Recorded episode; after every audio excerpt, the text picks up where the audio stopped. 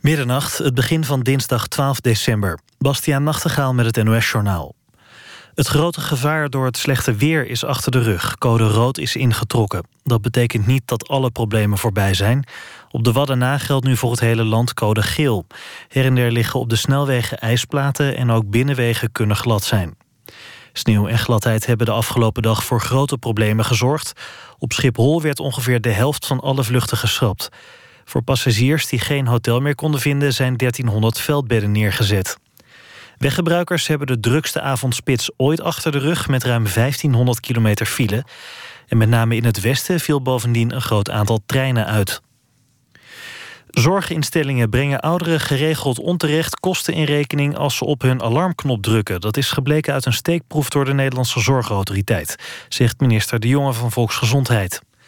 Van de 20 zorginstellingen bleken zeven instellingen geld gevraagd te hebben. Bij zeker vijf van die instellingen is dat waarschijnlijk ten onrechte geweest. Minister De Jonge roept zorgaanbieders op om te checken of ze onterecht kosten hebben gerekend. Als dat het geval is, moet dat worden hersteld. Als het aan justitie ligt, betaalt een veroordeelde drugshandelaar zo'n 64 miljoen euro aan de staat. De man verdiende het geld met de smokkel van duizenden kilo's cocaïne. Die liet hij per vliegtuig van Brazilië via Frankfurt naar Rotterdam komen. De drugshandelaar werd in 2011 veroordeeld tot een celstraf van zes jaar. De Nederlandse handbalsters hebben zich met de nodige moeite geplaatst voor de kwartfinales van het WK in Duitsland. Pas na verlenging werd gewonnen van Japan. Het werd 26-24. Oranje speelt in de kwartfinales tegen Tsjechië. Het weer. Vannacht trekt de sneeuw weg en ook vannacht en morgen is het glad. Morgen kan nog een sneeuwbui vallen, maar het gaat ook dooien. Tot zover het NOS-journaal, dan de ANWB Verkeersinformatie. Op de A7 Hoorn richting Zaandam tussen Purmerend Noord en knooppunt Zaandam 10 kilometer. De vertraging is daar 8 minuten. Op de A12 Den Haag richting Utrecht is bij knooppunt Lunette de verbindingsweg naar de A27 richting Hilversum dicht vanwege een geschaarde vrachtwagencombinatie. Dit was de verkeersinformatie. NPO Radio 1. VPRO. Nooit meer slapen.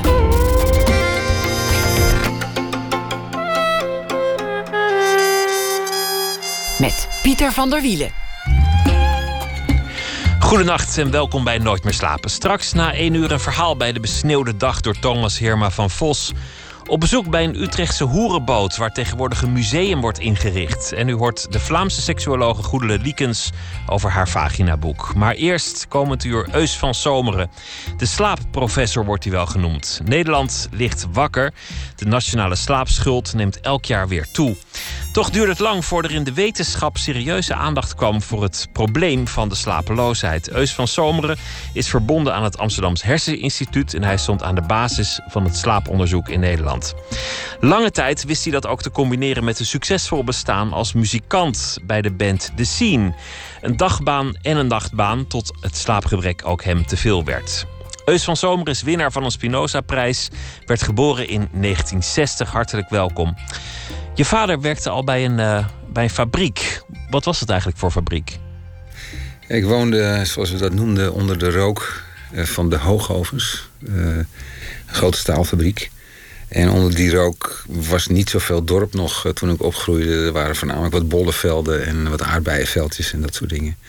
Ik heb een prachtige jeugd gehad. er werd een, een rijtjeshuizenbuurt opgetrokken in de tijd dat ik uh, vier tot acht was. Dus ik kon lekker met bakstenen stapelen en op drijfzand springen en vuurtjes stoken en hutten bouwen. En, dus uh, en daar groeide ik op. En uh, ja, toen had ik nog geen interesse in slaap hoor. Maar wat toen al wel begon, kan ik me herinneren, is ehm, waar iedereen heel erg enthousiast was over voetballen. Dat is echt zo'n voetbaldorp, Heemskerk. Iedereen zat op voetbal. Ik geloof dat we op een gegeven moment de grootste club van Europa waren, amateurclub.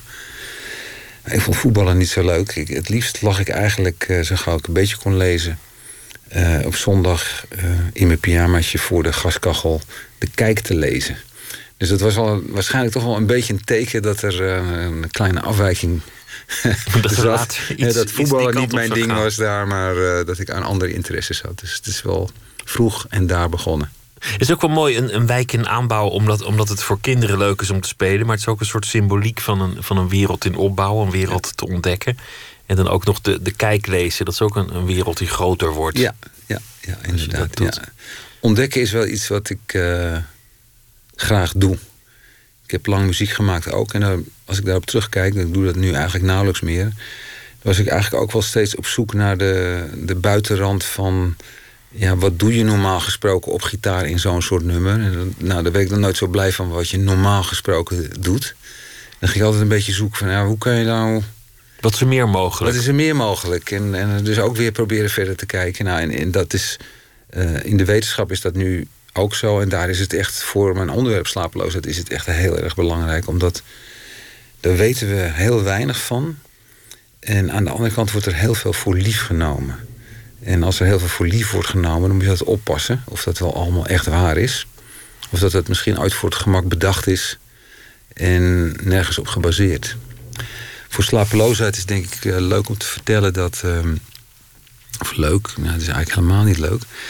Ehm, kijk, slapeloosheid hoort eh, in, in, het, in de diagnostiek hoort het bij de psychiatrische aandoeningen. Nou, psychiatrische aandoeningen, dat klinkt voor heel veel mensen heel erg eng. En, eh, dan enzovoort. mankeert je echt iets Dan heel mankeert je echt iets.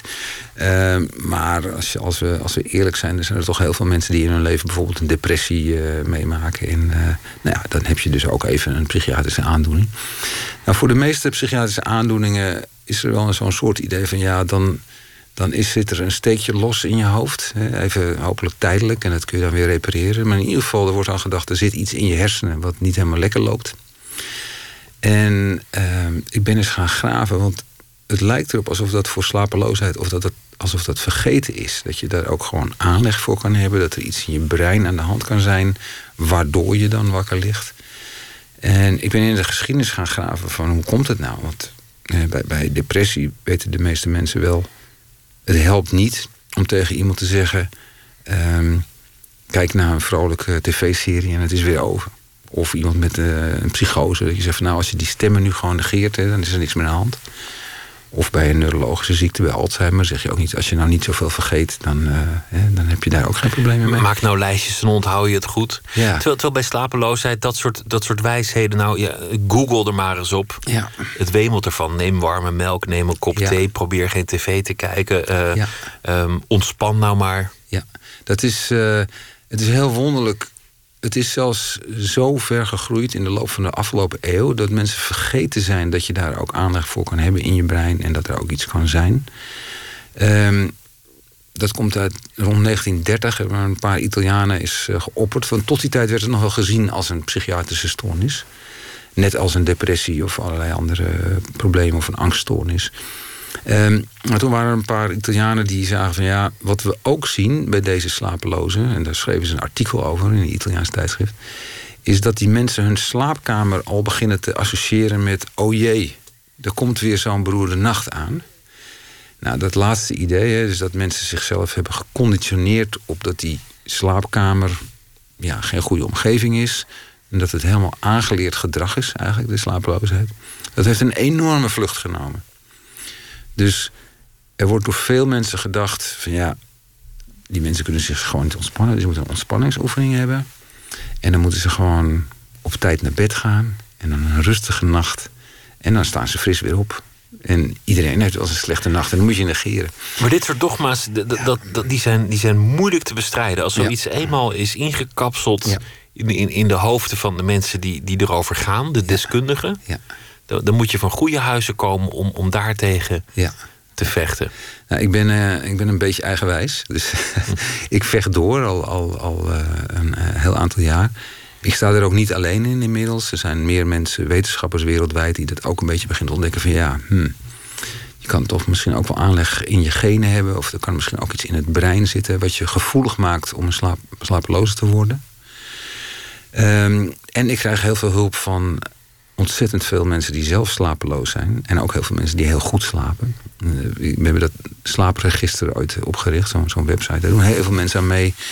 En die vullen elke keer weer vragenlijsten in. En eh, ja, ik heb nu het idee dat we met zo'n 10.000 mensen tegelijkertijd zijn aan het proberen iets aan slapeloosheid te doen. Laten dus we- eh, dus het, ik voel me er niet eenzaam meer in. Laten we teruggaan naar het begin van die strijd. Ja. Want je, je groeide op als zoon van de personeelschef. Je werkte Ja. wel eens in die fabriek, maar Ja. voelde je daar niet thuis. Voetbal was ook al niet je Nee. ding. De rock'n'roll wel. Ja, die, absoluut, die, die lonkte altijd. Ja. Die, die carrière kwam eraan. Tegelijk ging je ook een studie doen. Ja. Aanvankelijk natuurkunde. Ja, ja. Ik had eh, op de middelbare school had ik een, ehm, ja, een goede. En die liet ons eigenlijk altijd eerst proeven doen. Dus wij schoten kogels de ruimte door en eh, namen daar met een stroboscoop fotootjes van. En dan gingen we de baan berekenen. En dan helemaal aan het eind van die ervaringen kwam dan de formule. En ja, ik ben niet bang voor formules, maar wel als het daarmee begint. Ik hou van de ervaring en dan uiteindelijk moet je dat op een bepaalde manier opschrijven. Nou, ik was heel erg in dubio van wat ga ik nu doen na mijn middelbare school.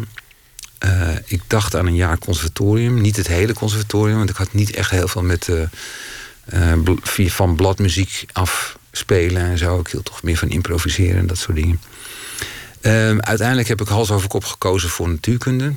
In de hoop dat ik daar in Delft de donkere kelders in ging, waar ik lichtflitsen ging produceren en allerlei dingen. Dat bleek heel anders te zijn. Het was een en al wiskunde. Ja, Heel theoretisch. Heel theoretisch. Dus ik gaf dat op en ehm, ik deed een beroepskeuzetest. Kan je beter van tevoren doen eigenlijk. En er kwamen een aantal dingen uit eh, die ik herkende. Daar, daar dacht ik van ja, dat, dat klopt nu niet. Bijvoorbeeld eentje was van ja, ik heb ook wel groene vingers. En misschien kan je eens gaan kijken, land- en tuinbouwachtig. Nou, ik wist precies waar die groene vingers vandaan kwamen. Want toen was het heel spannend als je wietplantjes ging kweken zelf. En verder was ik er helemaal niet in geïnteresseerd. Niet in tuinbonen of Nee, zo. nee. absoluut niet. Ehm, maar een van de dingen die me ontzettend verraste... was dat uit die test kwam dat ik misschien interesse had... in de sociale wetenschappen. Nou, dat was voor mij echt... dat kon ik me niet voorstellen. Daar had ik nog nooit over nagedacht. Wat voor associaties had je daarbij? Nou, ik had daar echt eigenlijk helemaal geen associaties. Ik deed op de middelbare school ja, biologie en scheikunde en wiskunde en natuurkunde. En dat vond ik allemaal hartstikke leuk. En zo gauw het richting geschiedenis of aardrijkskunde ging of talen. dan. Dus ik, had, ik heb helemaal überhaupt nooit gedacht in de sociale wetenschappen. Dus het was een hele verrassende uitkomst. Toen eh, dacht ik, ja, wat moet ik daarmee? Ehm, mijn vader had op zolder allemaal van die pockets staan van introductie in de antropologie, introductie in de sociologie, introductie in de psychologie. Ik dacht van, nou ja, laat ik maar eens kijken. En eh, inderdaad, het was allemaal niks voor mij. Die sociologie en antropologie en noem maar op. Nee, was het niet. Maar er was een boekje Introductie in de Psychologie. Nou, dat was het ook niet, dat is duidelijk. Maar er kwam er één hoofdstuk. En dat heette Psychofysiologie. Nou, en toen viel mijn mond echt open. En dat heeft een uur geduurd voordat hij weer dicht kon van verbazing dat dat bestond. Dat is dus het meten van signalen uit het lichaam. Dus bijvoorbeeld wat het brein doet, of wat je hartslag doet, of het, wat voor hormonen je afgeeft. En dat relateren aan wat je voelt of denkt. Nou, ik vond het zo meesterlijk. De Dus- combinatie van praktisch en concreet met, met toch Ja. theoretisch. ja. Het, Ja. het echt onderzoeken. Heel, heel erg eh, Ja. Meten en dat, en dat soort Ja. dingen. En tegelijk ook bezig zijn met, met abstracties zoals bewustzijn of Precies. gevoel of emoties. Ja, ik vond het echt eh, ik vond het prachtig. Dus ik was verkocht. Vanaf het moment dat ik dat hoofdstukje las. Ik ben mijn vader nog altijd dankbaar dat hij dat hele rijtje had staan. Want dat heeft me op het spoor gebracht. Nou, om, dat te, om psychofysioloog te worden, moet je toch de opleiding psychologie doen. En destijds waren de eerste drie jaar voor mij best wel lastig. Want dat interesseerde me niet allemaal evenveel. En Dus dan moet je wel ook de sociale psychologie en, en ja, alle, alle, de klinische psychologie, dat waren allemaal niet echt mijn richting. Maar ja, uiteindelijk, ik heb mijn kandidaat gehaald. Ehm, ik kon vrij makkelijk leren, dus ik kon er ook heel veel muziek bij maken en een studio beginnen en een PA-verhuurbedrijfje en van alles en nog wat. Ik was na 3,5 jaar, had ik het ook wel even gehad, dus toen ben ik nog een jaar gaan reizen. En toen ben ik, hè, voor je afstudeerrichting kan je dan echt kiezen voor helemaal psychofysiologie. Nou, toen ben ik erin gedoken en dat heeft me nooit meer losgelaten. En daar ben ik echt helemaal voor gegaan. Je was op twee vlakken excellent. De wetenschap en de muziek. Je kwam terecht in de band The Scene, een, een heel succesvolle formatie. Wordt nog steeds eh, bij de vleet gedraaid. Ja, Is echt be beklijf. Die twee carrières die, die streden om aandacht. ja. Hoe heb je Ja. dat gedaan? Ja, ik denk ik, dat excellente kan ik misschien wel corrigeren. Hoor. Ik denk dat het voornamelijk enthousiast is. Ehm, ik was eigenlijk vanaf het moment dat ik een gitaar in handen kreeg, was ik verkocht, dus op mijn veertiende. Het was s'avonds heel lastig om naar bed te gaan. En mijn moeder moest regelmatig om half twee, twee uur naar beneden lopen. En zei, je moet morgen wel weer naar school. Omdat ik die gitaar niet meer los kon laten. Ik, ik was allerlei riedeltjes aan het bedenken. En, en, uh... nou, dat, is, dat is nooit weggegaan. Um, dan speel je al snel in een bandje, want dat is wat je wil doen uh, op je vrije avonden. En dat groeide door. En ondertussen groeide ook mijn interesse in wetenschap door. En ja, ik, ik heb eigenlijk. Ik heb wel eens op het punt gestaan om de een of de ander aan de wilgen te hangen, maar dat is nooit echt gelukt. Ik vond het allebei te leuk. Het betekent wel dat je eigenlijk twee volle werkweken in één werkweek probeert te proppen. En dat is, dat is jarenlang is dat ook zo gegaan. Weinig slaap dus? Ja, niet, eh, niet echt uitgebreid uh, geslapen. Dat was wel vaak kort. En ook vaak uh, wisselend. Dus dat je dan s morgens om half vier uh, terugkomt uit België. En dan de volgende dag wordt er toch wel verwacht dat je rond negen uur weer verschijnt. Dus het was, het was zwaar. maar ik heb de wetenschap ook deeltijd kunnen doen. En dat was wel heel uitzonderlijk. Dat, dat, ja, dat bestond toen helemaal niet. Dat was. Dat, dat, je ging of de wetenschap in, of niet. Maar deeltijd, het bestond niet. En uh, ja, het is eigenlijk, de, daar, moet ik Dick Swaap nog steeds de, de credits voor geven. Ik ben op een gegeven moment bij hem langsgelopen en gezegd van... nou, sorry Dick, ik vind het allemaal heel leuk wat ik doe... maar ik krijg het gewoon niet meer in de week. Het is gewoon, het is te zwaar. Ik, wil, ik kwam eigenlijk mijn ontslag aanbieden. En Dick zei van, nou, hij snapt het probleem wel... maar hij zei van, ik denk niet dat het een goed idee is als ik je laat gaan. Dus hij zei, kijk maar hoeveel uur je kan maken in een week... naast die muziek. En dan zien we wel. Dick Swaap was de directeur toen van het, ja. van het Herseninstituut... En, ja. en ook alles behalve een dogmatische man. Nee, die stond toch wel open voor van alles. En ja, ik was Conventies en grenzen, dat betekent voor hem eigenlijk niet zo heel veel, geloof nee, ik. Nee, dus uh, ik, ik, kreeg, uh, ja, ik kreeg heel veel credits van hem. En ik vond het fantastisch. En aan de andere kant kreeg ik vanuit de band ook heel veel begrip. Kijk, in het begin was dat heel raar. Dan moet je je voorstellen, dan zit je in zo'n verlengde Mercedes. Uh, allemaal in van die strakke zwarte spijkerbroekjes en uh, de gel in het haar en uh, op naar het volgende optreden.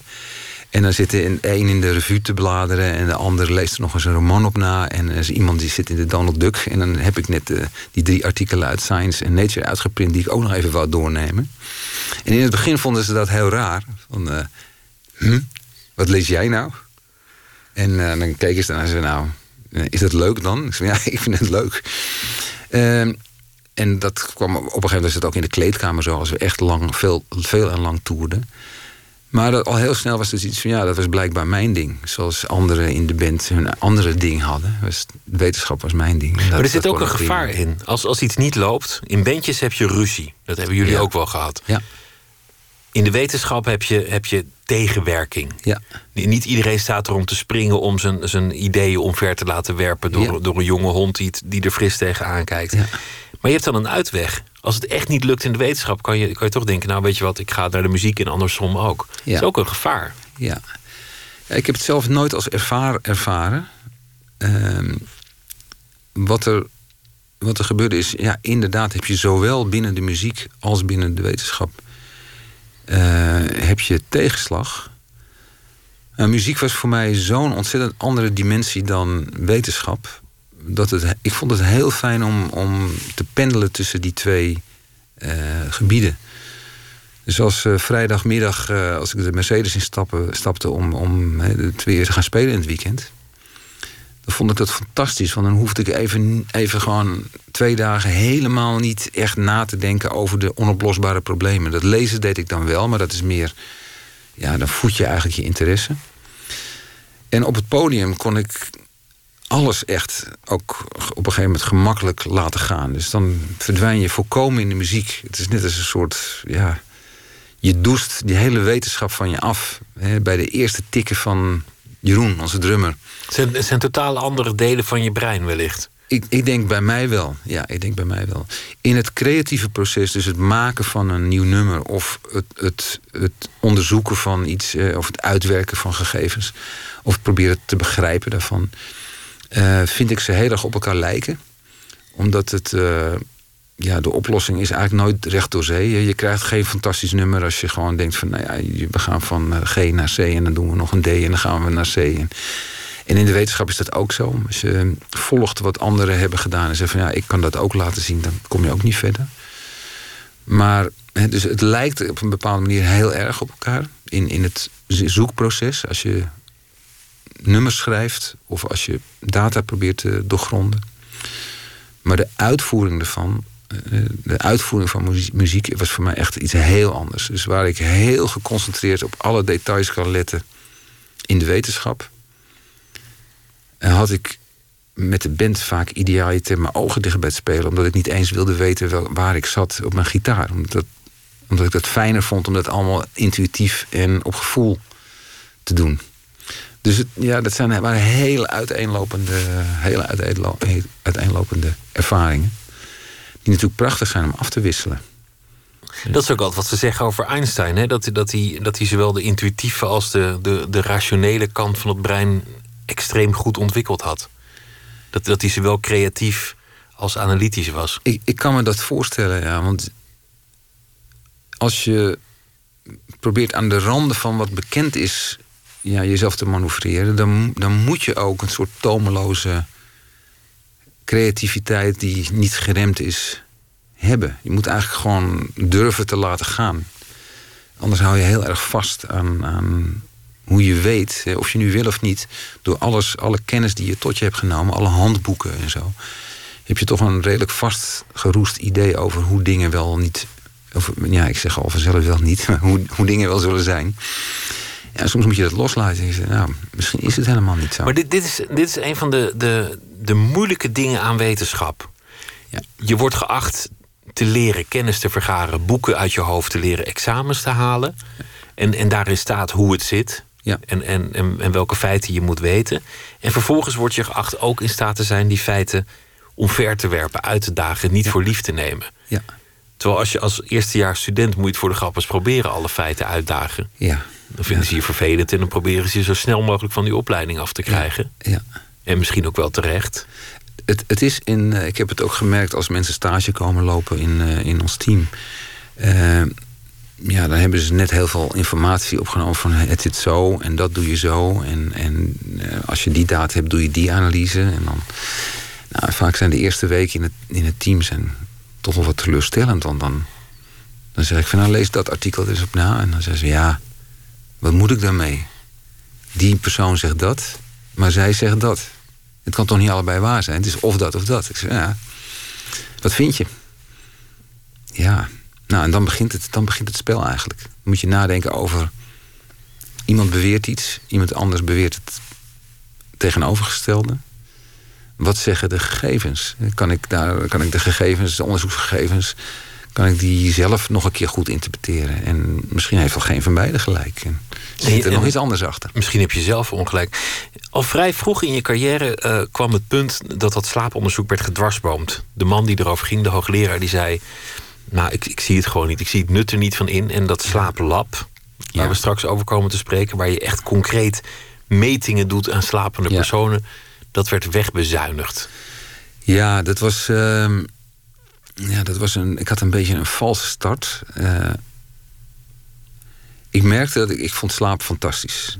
We hebben tijdens mijn opleiding hebben we eerste slaapmetingen gedaan. Nou, vanaf het moment dat ik dat zag, dat was de tweede, de tweede keer dat ik verkocht was. Dus de eerste keer was ik verkocht toen ik het hoofdstukje las over wat is psychofysiologie. In die pocket van mijn vader het tweede moment kwam, en toen ik eenmaal psychofysiologie deed... en van alles en nog wat deed, bijvoorbeeld wat voor hersengolfjes maak je... als je iets probeert te onderhouden en zo. Nou, dat vond ik allemaal aardig.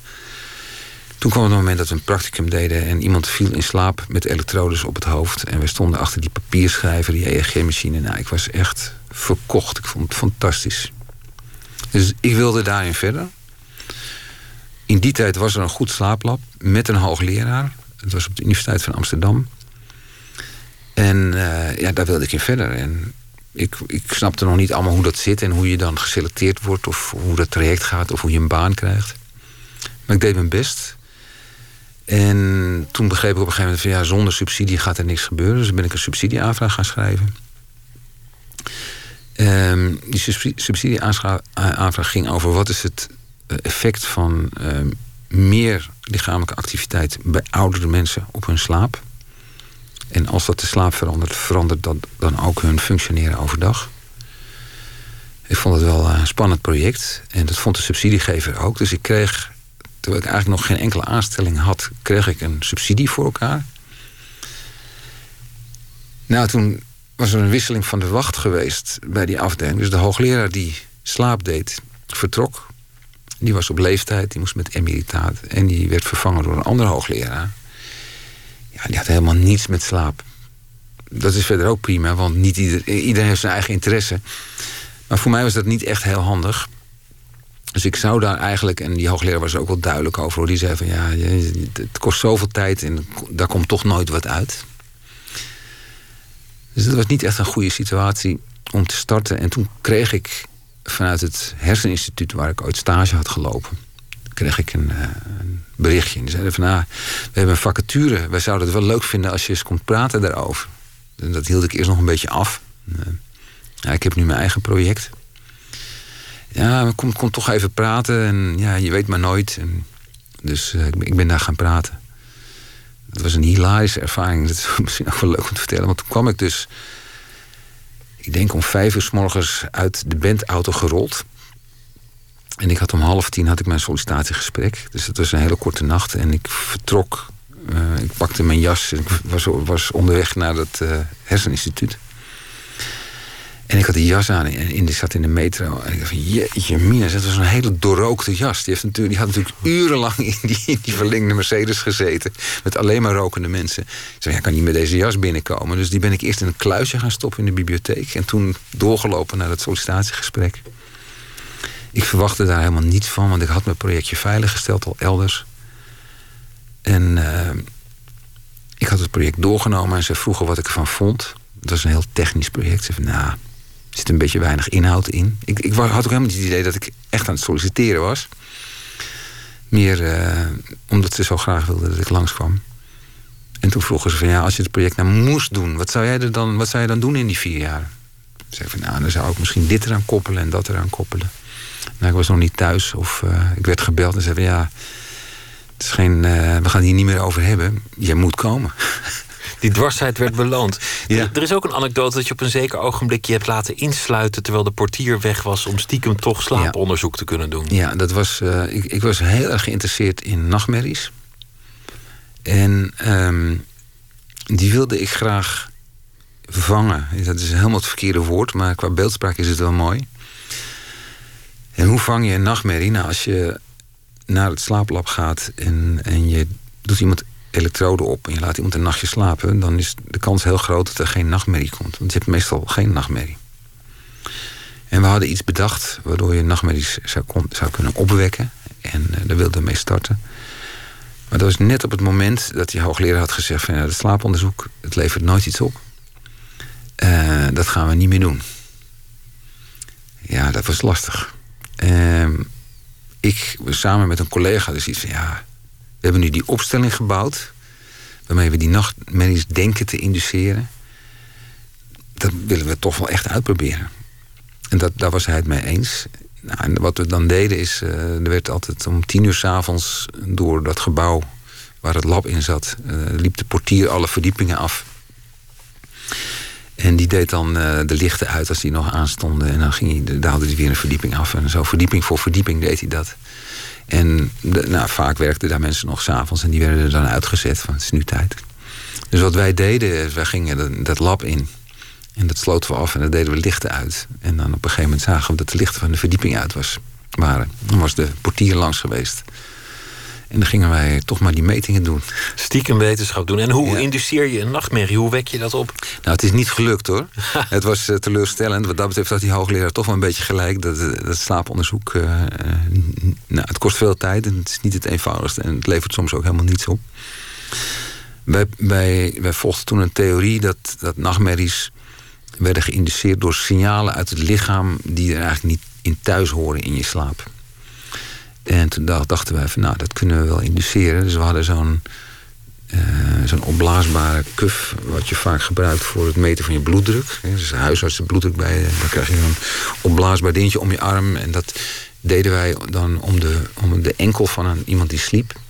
En als we dan zagen dat iemand in droomslaap kwam, in remslaap, dan gingen we heel langzaam dat, die druk erop opvoeren, zodat je iets uit het lichaam zou voelen wat er niet thuis hoorde. Nou, en dat deed helemaal niets. Mensen werden ogenblikkelijk wakker. Ik heb het zelf ook uitgeprobeerd. Ook geslapen met zo'n... Uh, nou, op het moment dat er ook maar iets gebeurde, was ik eruit. Als je mensen aanraakte, worden ze bijna al per definitie wakker. Ja, veel mensen blijkbaar. Dus uh, dat werkte niet. Dat werkte niet. Veel later, de scene ging uit elkaar. Een, een, uh, een verschil van mening tussen, tussen en de rest van de band. T. Lau, die, die uh, in, inmiddels uh, jong is overleden. En uh, nou ja, zo was de keus gemaakt. Fulltime slaapprofessor. We gaan straks even uitgebreid hebben over slaap en, en slapeloosheid vooral. Maar eerst gaan we luisteren naar een, een nummer van die band. Slapen, dromen, zweten. Leuk.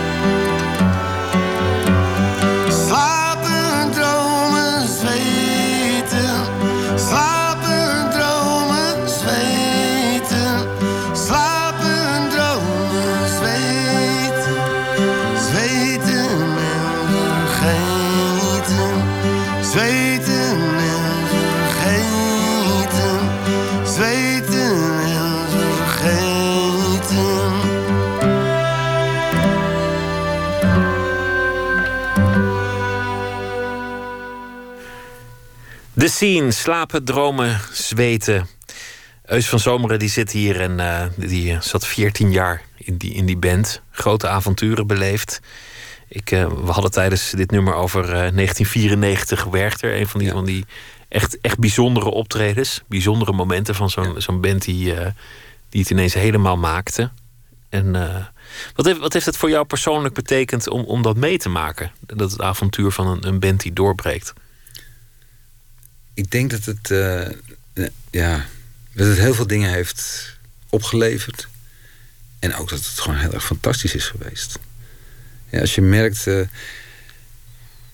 dat, dat je met muziek mensen op een manier bereikt die je met woorden, tenminste ik met woorden helemaal niet voor elkaar kan krijgen. Dat is echt ja, dat is een hele bijzondere ervaring. Kijk, ik kon mezelf met muziek maken betoveren. Ik kon vanaf mijn veertiende kon ik s'nachts vaak niet stoppen, omdat ik zo betoverd was door wat je kan doen met een gitaar. Maar dat is heel erg solo, dat is op jezelf.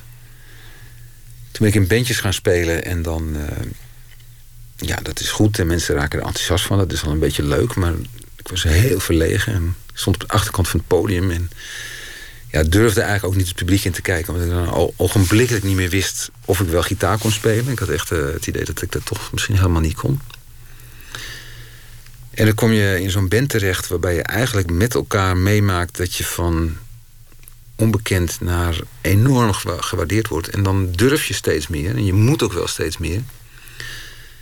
Maar je bent niet alleen, want je wordt ook opgetild door het publiek. En je merkt dat de opwinding die je zelf op een, op een gegeven moment krijgt... omdat je vindt dat dat nummer zo mooi in elkaar zit... en, en steeds beter wordt uitgevoerd met, met elkaar... dat je merkt dat dat ook iets met het publiek doet. Die worden er ook weer opgewondener van. En die geven dat weer terug aan je. Nou, het is echt... Uh...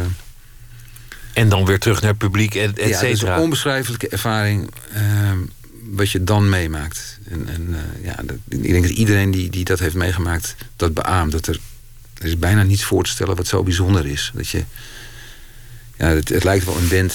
met vijf mensen maken muziek. Maar het is eigenlijk al die andere mensen die doen ook mee. En die geven we terug. En dat, dat kan tot hele grote hoogte gaan. Het is de wetenschap geworden. De, de, de, band ging uit elkaar. En, en de, de gitaar. Je had inmiddels ook een andere situatie. Je, je was, je was vader geworden. Het was een gezin. Uh, de wetenschap werd drukker, werd beter. Je kreeg daar ook leidinggevende verantwoordelijkheden. Dus, dus die gitaar die, die, is, uh, die staat vast nog wel ergens in je huis. Maar ja. Ja. daar blijft het groten, grotendeels bij. Ja. Slapeloosheid. Laten we nu komen bij wat de kern is van, van jouw, jouw uh, carrière. Lang is gezegd dat slapeloosheid niet bestaat als een kenmerk van een persoon. Dat er niet zoiets is als de slapelozen, om met Jacques Brel te, te, te, spreken, of, of de mensen die, die wel kunnen slapen. Ja. Ja. Dat werd heel lang ontkend, maar, maar volgens mij is de stelling van jou dat, het, dat er wel degelijk slapers en niet-slapers zijn. Ja. Ik denk, ik denk echt dat, uh, dat we onderschatten hoe sterk je aanleg kan zijn voor slapeloosheid. En dat zit dan echt in je genen geworteld en in de aanleg van je brein. Die aanleg wil niet zeggen dat je dat dan reddeloos verloren bent. Hè, dus dat je behandeling maar moet opgeven en, en moet denken van nou, dat, dit is het dan. Uh, maar het betekent wel dat je goed moet nadenken over als je risico hebt om slapeloos te worden. En je kunt dat vroeg opsporen, kun je misschien dingen ondernemen om dat te voorkomen. Kun je misschien tegen sommige mensen zeggen van nou, uh, iedereen gaat uit tot één uur s'nachts. Ehm, doe jij dat niet? Of iedereen gaat naar uitgaan tot één uur s'nachts, uitslapen tot tien uur s morgens. Voor jou is dat geen goed idee om uit te slapen, dus sta toch op. Hè, wat vroeger. Of ehm, kijk uit met ruzies. En ik denk dat nu komen we op iets realistischers. Die andere voorbeelden niet echt. Kijk uit met ruzies. Als je s'avonds een keer ruzie hebt, ga daarna niet gelijk slapen. Want het zou zomaar kunnen dat je een proces in werking zet waar jij aanleg voor hebt. Namelijk het stapelen van ja, negatieve emoties of dingen die je, die je van slag maken. En dat het wel eens zo kan zijn dat jouw type slaap ervoor zorgt dat je morgen nog gespannender wakker wordt dan dat je vanavond na een ruzie uh, waar je mee naar bed gaat. Dus, dus begrijpen van welke mensen slapeloosheid gaan krijgen en waarom dat zo is, is, is denk ik heel erg belangrijk. Ook voor behandeling ervan.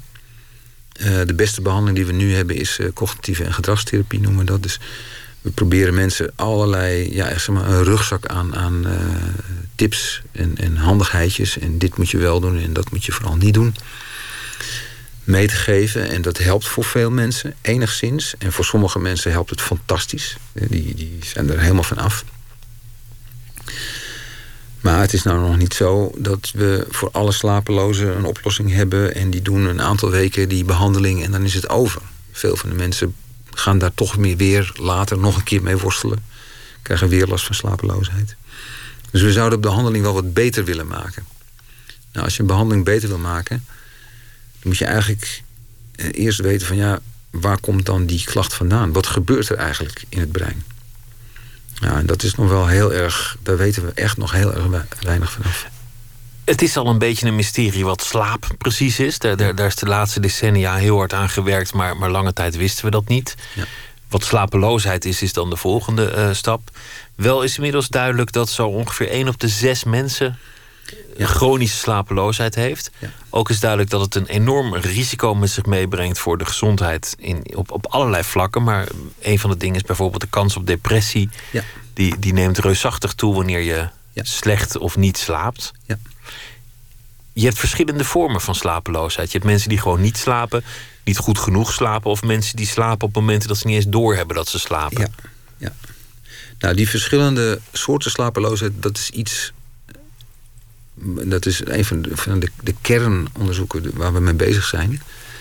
Um, in de diagnostiek zit dat eigenlijk niet. Je bent een slapeloze, punt. Er wordt nog nauwelijks aandacht besteed aan ja, wat voor type ben je dan. Dat is in het verleden wel eens geprobeerd. Hè. Dus gezegd van nou, jij bent meer het type wat moeite heeft met in slaap vallen. En iemand anders is meer het type wat moeite heeft met uh, te vroeg wakker worden. Nou, dat bleek niet te werken. Als je die mensen dan twee jaar later nog een keer ziet, dan kan dat zomaar omgedraaid zijn. Eh, eh. en wij zijn echt gaan zoeken naar verschillende karaktereigenschappen. Dus wij, dan heb ik het over meer dan 10.000 mensen, mensen die aan slaapregister meedoen. Of we op grond van verschillende karaktereigenschappen, waarvan we weten dat die ook een weerslag hebben in hoe je brein is aangelegd, of we daar subgroepen in kunnen vinden. En dat blijkt het geval. Dus je kunt onder de slapelozen, het lijkt er nu op dat we zo'n zo vijf subtypes kunnen, kunnen aanwijzen daarin. Niet op grond van één karaktereigenschap. Het is niet zo simpel als je zegt van nou, je bent een beetje perfectionistisch aangelegd, dus jij hebt die en die slapeloosheid. Het gaat om combinaties van eigenschappen in het brein. En die zich dan uiten als bijvoorbeeld uh, mensen hebben dan in een bepaalde groep wat meer neuroticisme en wat minder perfectionisme en zijn misschien wat eerder van slag, en, maar niet, weer niet somber. En een andere groep is misschien wat somberder en nou, noem maar op. Het gaat echt om, om veel eigenschappen die tezamen bepalen wat voor subtype je bent. Nou, daar vandaan zijn we nu vertrokken om te kijken van wat is er dan aan, in aan de hand in het brein van het ene subtype. En is dat hetzelfde als wat in de hand is in het brein van een ander subtype? Bestaat er kortom een profiel van de slapeloze? Ik ben wel eens in je, in je lab geweest, waar jullie slaaponderzoek doen. Het is prachtig om te zien. Dan heb je een, een ruimte waar iemand slaapt met een soort badmuts met allemaal draadjes eraan. En jullie meten alles wat er gebeurt terwijl iemand slaapt. Van, van, van bloeddruk tot uh, lichaamstemperatuur tot, tot alles wat er in het brein gebeurt. Dat is natuurlijk het meest interessante. Je ziet in dat brein dat iemand in slaap valt. Zie je ook wat er gebeurt als iemand niet goed in slaap valt? Ja, je hebt, er zijn verschillende eigenschappen van, van slapeloosheid. Ik denk dat het, ja, het allerbelangrijkste om, om, om, ja, om mee, mee te nemen is dat het woord slapeloosheid niet klopt. Slapeloos suggereert ik slaap niet. Nou, dat is, de meeste slapelozen slapen nog redelijk wat bij elkaar. Dus niet iedereen hoeft ook gelijk helemaal in paniek te slaan van... oh jee, ik heb nu een paar van die slechte nachten gehad... en hoe moet het nu verder met mijn gezondheid? Iets wat de meeste slapelozen karakteriseert... is dat ze stukjes slapen en dan weer stukjes wakker zijn. En die stukjes wakker zijn, die duren soms één seconde of twee seconden. Soms duren het een aantal minuten. Um, als het een aantal minuten is, dan herinner je dat ook ja, meer dan dat een goede slaper zich dat herinnert wat er verder nog vervelend kan zijn, is dat die stukjes slaap, dat je die vaak helemaal niet ervaart als slaap. Dus je ligt daar in bed en je verdorie, ik kan alweer niet slapen. En, en je kijkt op die wekker en zegt van, jeetje, twee uur. En dan, dan lig je daar maar wakker en dan denk je van, nou, het is vast al drie uur. En dan kijk je op die wekker en dan is het zes uur. Heel veel mensen hebben die ervaring gehad. Dat je weet dat je geen oog hebt dichtgedaan. Misschien je ogen wel, maar niet hebt geslapen. Denk je. Toch zijn er meer uren verstreken dan dat je dacht. Ik dacht, ik heb een uur wakker gelegen en het blijkt dat er al vier uur voorbij is. Een beetje alsof je, alsof je journaal kijkt en het weerbericht hebt gemist. Precies. Ja, dus er gebeurt iets in, in slaap bij veel slapelozen. Dus nou, het ene wat ik zei is dat verbrokkelde slapen, dat is al niet prettig. En er zijn af en toe van die ontwakingen. Maar daarbovenop is ook een gedeelte van de slaap. Lijkt het erop alsof je gedachten gewoon doorgaan. Dat is iets wat. Uh, dat staat ook beschreven in de literatuur als uh, sleep state misperception. Dat betekent. Uh, eigenlijk is het zoiets nogal denigrerend. Jij als slapeloze hebt het mis. Want je denkt dat je niet slaapt, maar je slaapt wel. Ik vind het een heel erg fascinerend iets, want dat is net het snijvlak van bewustzijn en, en ja, fysiologische signaal. Dus je ziet die langzame golven in het EEG van iemand, maar iemand ervaart zelf dat hij niet slaapt. Nou, dat is dus heel lang afgedaan als een soort ja, aanstellerij. En mensen morgen zeggen, ja, ze voelen zich misschien niet zo lekker. En dan zeggen ze dat ze helemaal wakker hebben gelegen. Maar dat is niet zo. Kijk maar, we zien hersengolven. Totdat ik op een gegeven moment een, uh, eerst een artikel las over uh, mensen in vegetatieve staat. Dus mensen die vanwege een hersentrauma in het ziekenhuis terechtkomen en niet meer reageren op van alles en nog wat. En waarvan wordt gedacht van ja, die zijn eigenlijk hersendood. En nou, de, de vergelijking is een beetje gelegd, want sommige van die mensen laten ook heel veel van die langzame golven zien. En dat is dan een teken van, nou, er is geen bewustzijn. Als je die langzame hersengolven laat zien, is er geen bewustzijn. Toen hebben ze zo iemand uh, in zo'n vegetatieve staat, hebben ze ooit eens in een scanner gelegd, in een MRI-scanner. En tegen die mevrouw gezegd, was vroeger een fanatieke tennister. Um, stel je nu eens voor, je bent aan het tennissen. En dan even later, wil je nu stoppen met je dat voor te stellen? Stel je nu voor, eens voor dat je in huis zit. En dan weer een paar uh, seconden later, stel je nu weer eens voor dat je aan het tennissen bent. Nou, als je dat dan herhaald doet, dan kun je uit zo'n hersenscan kun je halen van welke gebieden worden dan actief. Als ik dit zeg, ja, als ik zeg van stel je voor dat je thuis zit. En welke, welke hersengebieden worden actief als ik die andere zin zeg? Nou, dat bleek keihard uit dat die mevrouw liet zien dat dat gebied van de hersenen waar je motorische vaardigheden mee plant, zoals tennissen, werd actief op het moment dat dat werd gevraagd, haar werd gevraagd het voor te stellen. Dus ze reageerde wel degelijk en er was wel degelijk van alles aan de er was hand. Blijkbaar, er was blijkbaar bewustzijn mogelijk terwijl die langzame golven werden gemeten. Nou, dat zette mij aan het denken en, en dat heeft iemand anders destijds ook eerst onderzocht. Als je iemand met slapeloosheid wakker maakt uit diepe slaap, dus je meet die langzame golven waarvan je denkt van nou, nu is iemand knock-out. Nu is iemand echt lekker aan het slapen. En als ik zo iemand wakker maak, dan, is het, dan krijg ik alleen maar... Huh, uh, waar ben ik? Nou, ten eerste bleek uit het onderzoek dat er redelijk wat goede slapers... toch nog wel af en toe een gedachte hadden die in hun hoofd doorging. Dus je bent niet zonder gedachten in je slaap. Ook goede slapers niet. Die maken daar waarschijnlijk alleen helemaal geen enkele herinnering aan aan. Dus morgens word je wakker met een min of meer leeg hoofd. Als je een slechte slaper wakker maakt, uit, datzelfde, uit diezelfde hersengolven, en vraagt wat ging er in je om, dan krijg je soms echt hele verhalen. Veel meer verhalen dan een, dan een goede slaper. Dus de grens tussen slaap en slaap uh, en niet slaap is niet zo heel scherp te trekken?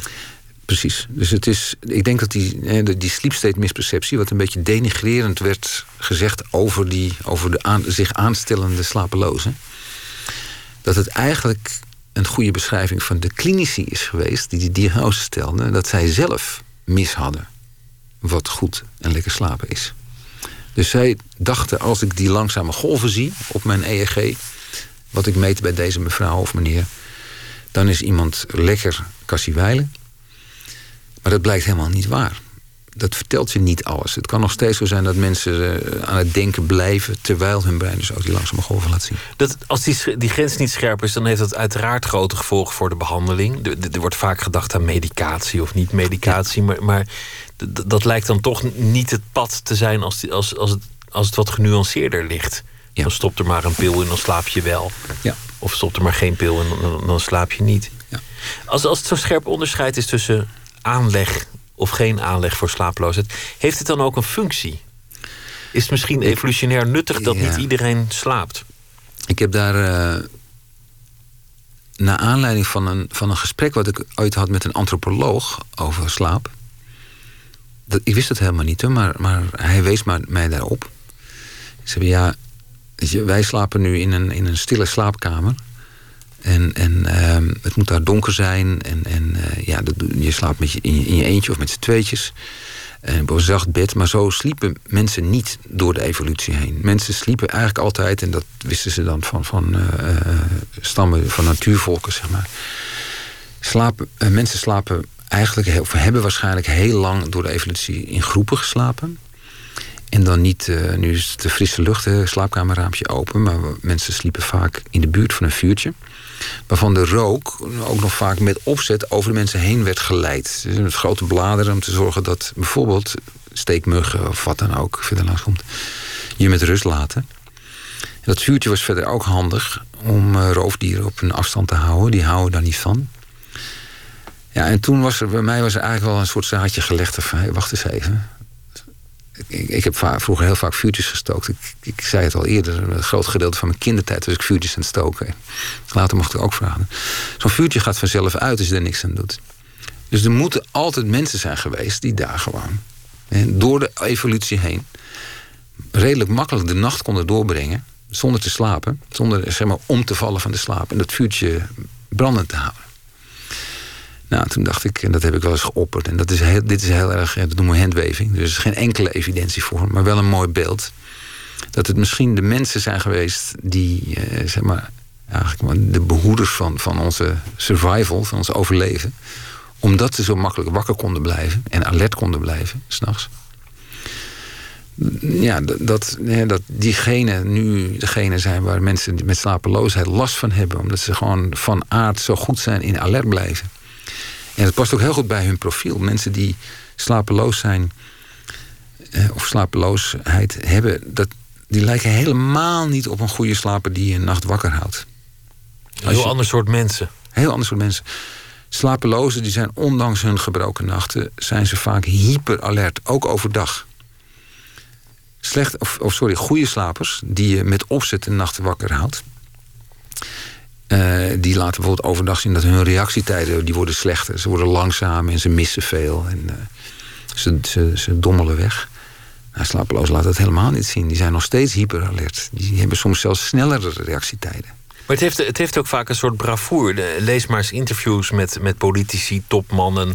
Die, die, die scheppen allemaal op. Ik, ik kan met drie uur slapen ja. makkelijk af.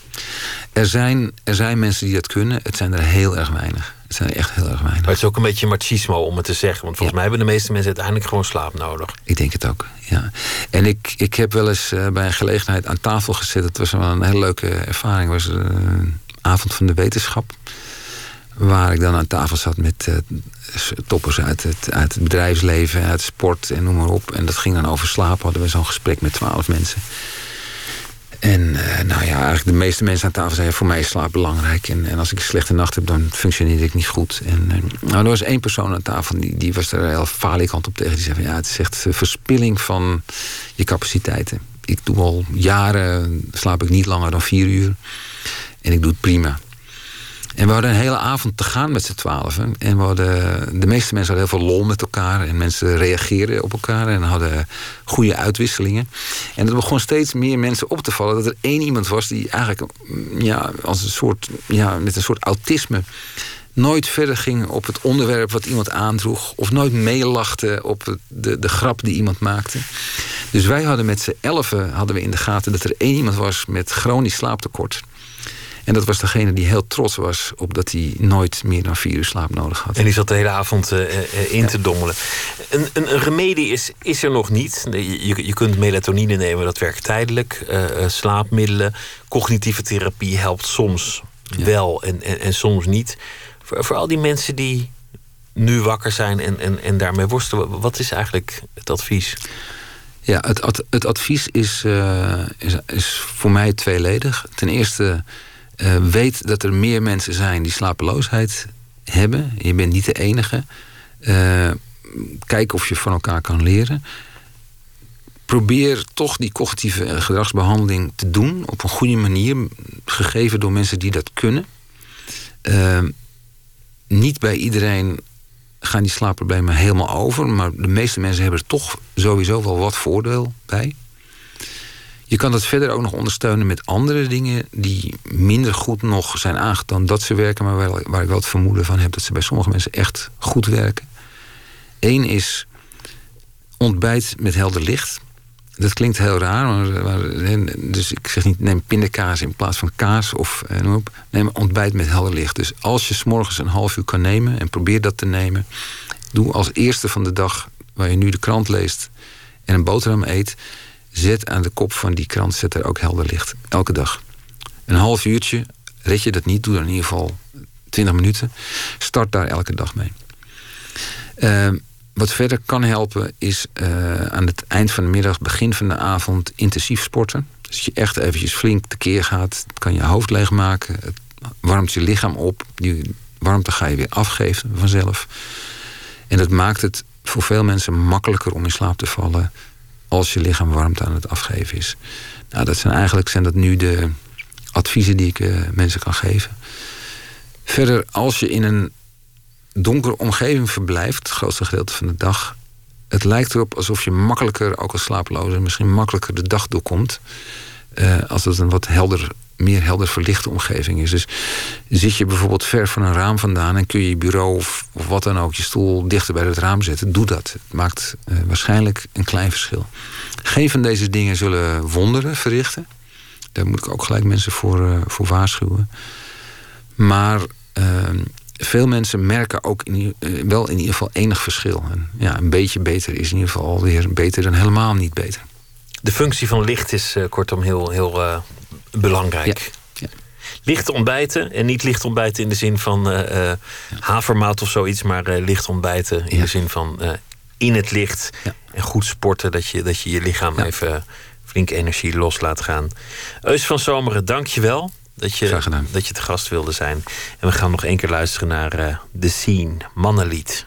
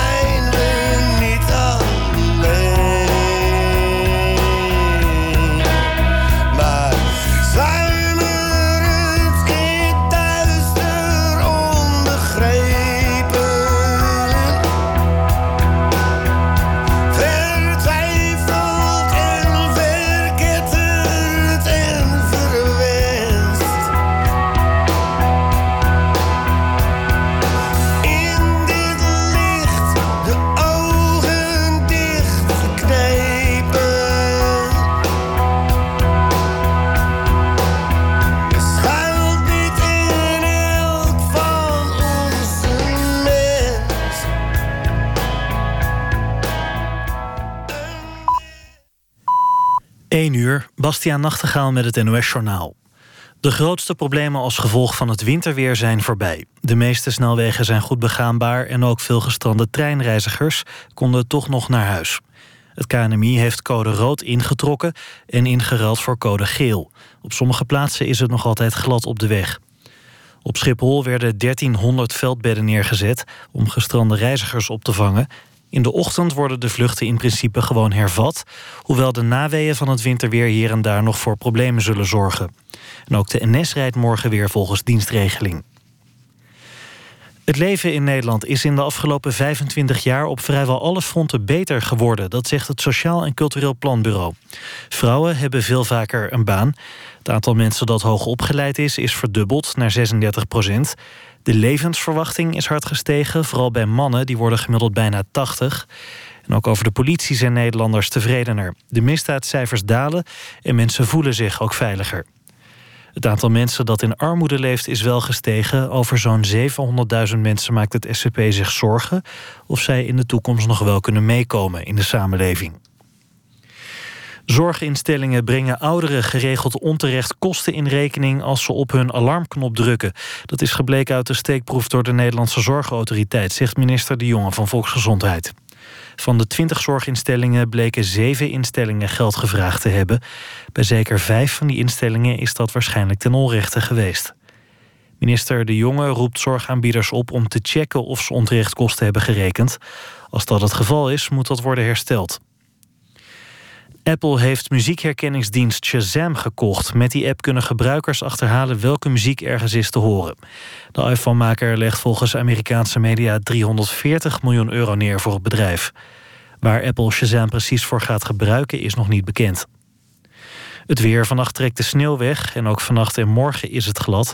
Morgen kan er nog een sneeuwbui vallen, maar gaat het ook dooien. Dit was het NOS Journaal. NPO Radio 1. VPRO. Nooit meer slapen.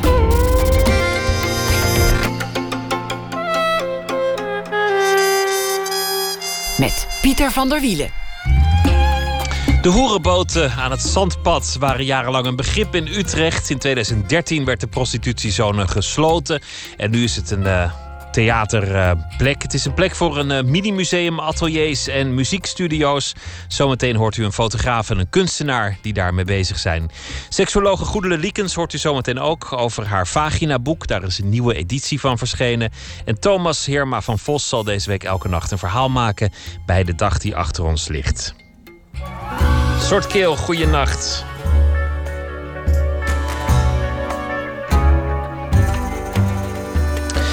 Het uh, Smibbenese woordenboek van uh, Soort Kill. Hij is een van de rappers van het uh, gezelschap Smib. Is verschenen. De eerste druk is meteen al uitverkocht. Het Smibbenese is een taal die alleen wordt gesproken in Amsterdam Zuidoost. Nooit eerder had iemand het aangedurfd om daar een woordenboek van te maken. Soort Kill heb ik nu aan de telefoon. Soort Kill, goeienacht. Een hele goede nacht. Een hele goede nacht. het Smibbanees. Ik had er eerlijk gezegd nog nooit van, van gehoord. Wat, wat is het precies voor taal? Uh, Smibbenese. Smibbenese. Net als hoe je Japanese hebt. Smibbenese. Ja, het is een, um, het is een vermenging van verschillende culturen. Die, uh, die culturen die natuurlijk talen met zich meebrengen. En het is een vermenging die zich heeft plaatsgevonden voornamelijk in Amsterdam Zuidoost dan, in de SMIP. En dat is een uh, bijnaam voor de BIMS. Of ja, het is eigenlijk de BIMS omgedraaid. En BIMS is een afkorting voor de Belmer. En um, ja, dus dat eigenlijk, wat daar allemaal is gebeurd qua taal door de jaren heen, heeft uiteindelijk het Smibbenese gevormd. En jij hebt uh, het eerste woordenboek ervan uh, gedocumenteerd. 1900 woorden, dat, dat, is een, dat is een flinke oogst. Ja, dat is um, goed graven in gedachtegangen en in uh, wat ik gewend ben en luisteren naar mensen om me heen. En ja, dat resulteerde tot meer dan ja, 1900 woorden. Hoe ben je dan te werk gegaan? Met een, met een notitieblokje rondlopen in de buurt? Nee, dat ging letterlijk gewoon... Um, ik nam mezelf voor om elke dag 20 woorden te, op te schrijven. En dan betekent het gewoon basically um, AA, vervolgens AB, daarna AC, daarna AD. Zo door en dan vervolgens bij B beginnen BA, dan BB. BC. En telkens ging ik zo achter ging woorden zoeken. En dit heb ik gewoon echt een aantal keer gedaan. Uh, voor een tijd van een jaar of zo. En ja dan, ja, dan op een gegeven moment heb je alles wel. Ja, niet alles, maar grotendeels.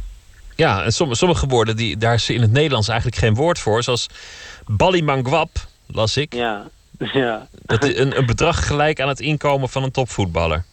Ja, dat is, het is een streven. Het is meestal een streven. En het is dan een soort van... Uh, ja, je, je geeft meteen aan waar je daar streeft als je dat geld wil hebben. Dus als je zeg maar bijvoorbeeld zegt ik ben gericht op Baliman Kwap, dan ben je gericht op het bedrag dat de gemiddelde profvoetballer verdient. En dat is bovengemiddeld veel. Dus de ambitie zit daar ook in. Wat, wat, wat betekent het Smibanese voor jou? Is dat, is dat jouw alledaagse taal?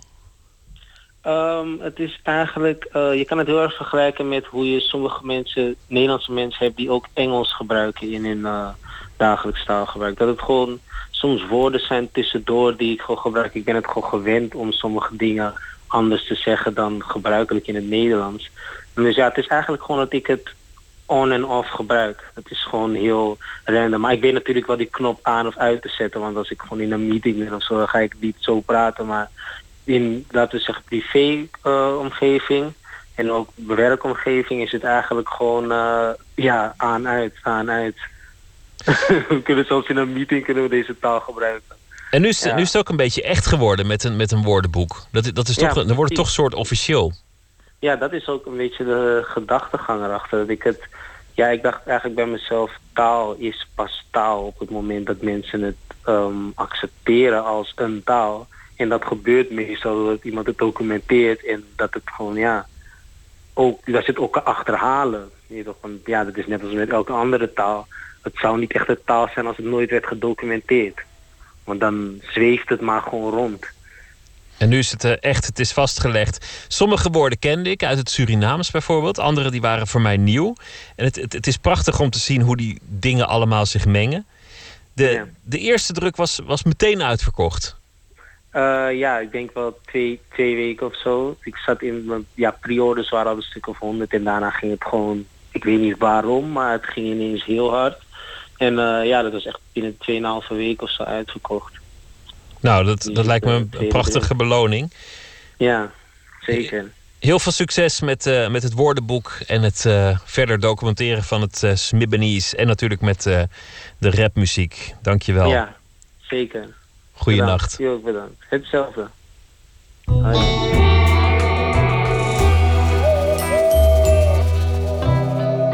Alila Diane heeft een uh, nieuw album. Dat komt uh, volgend jaar uit. Casp. En dit nummer heet Emigré.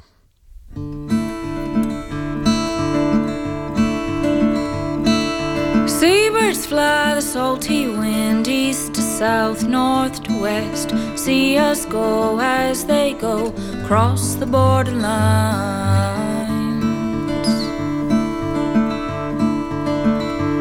I can feel the fear hang heavy on the water, glinting sharply with the pale moonlight.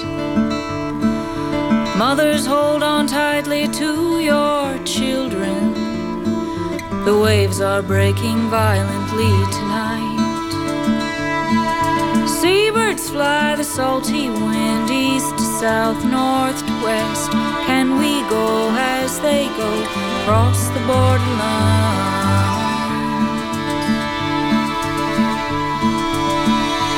I hear yelling, I hear crying, I hear praying as the ocean threatens us on all four sides. The water rises deeper every minute. this vessel cannot bear the burden of our love. Seabirds fly the salty wind east to south, north to west. Can we go as they go across the borderline?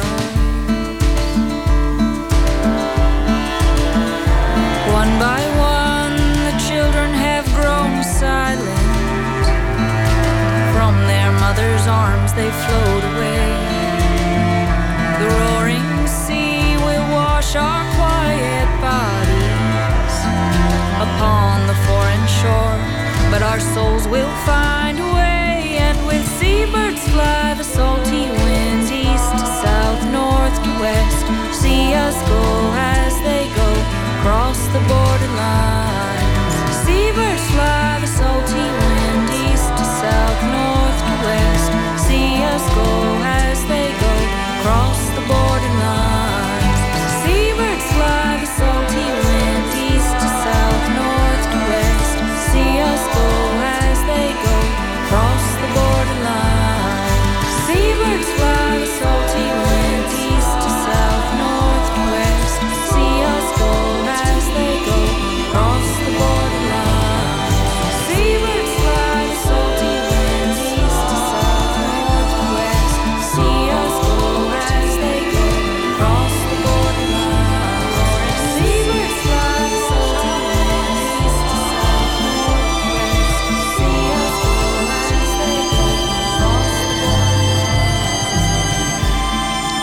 Alila Diane met het nummer Emigray.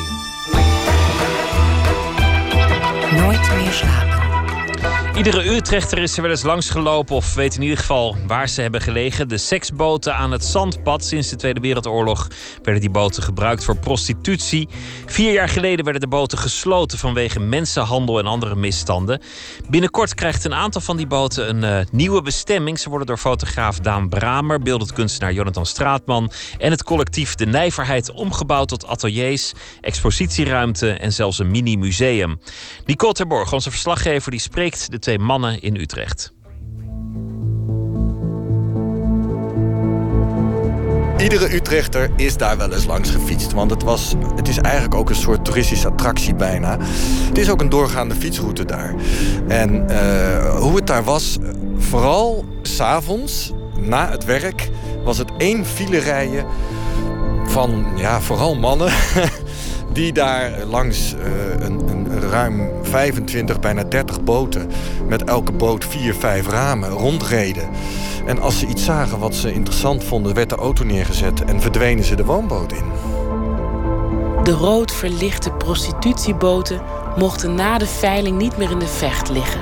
De nieuwe eigenaren hebben ze meegenomen naar verschillende plekken in Nederland.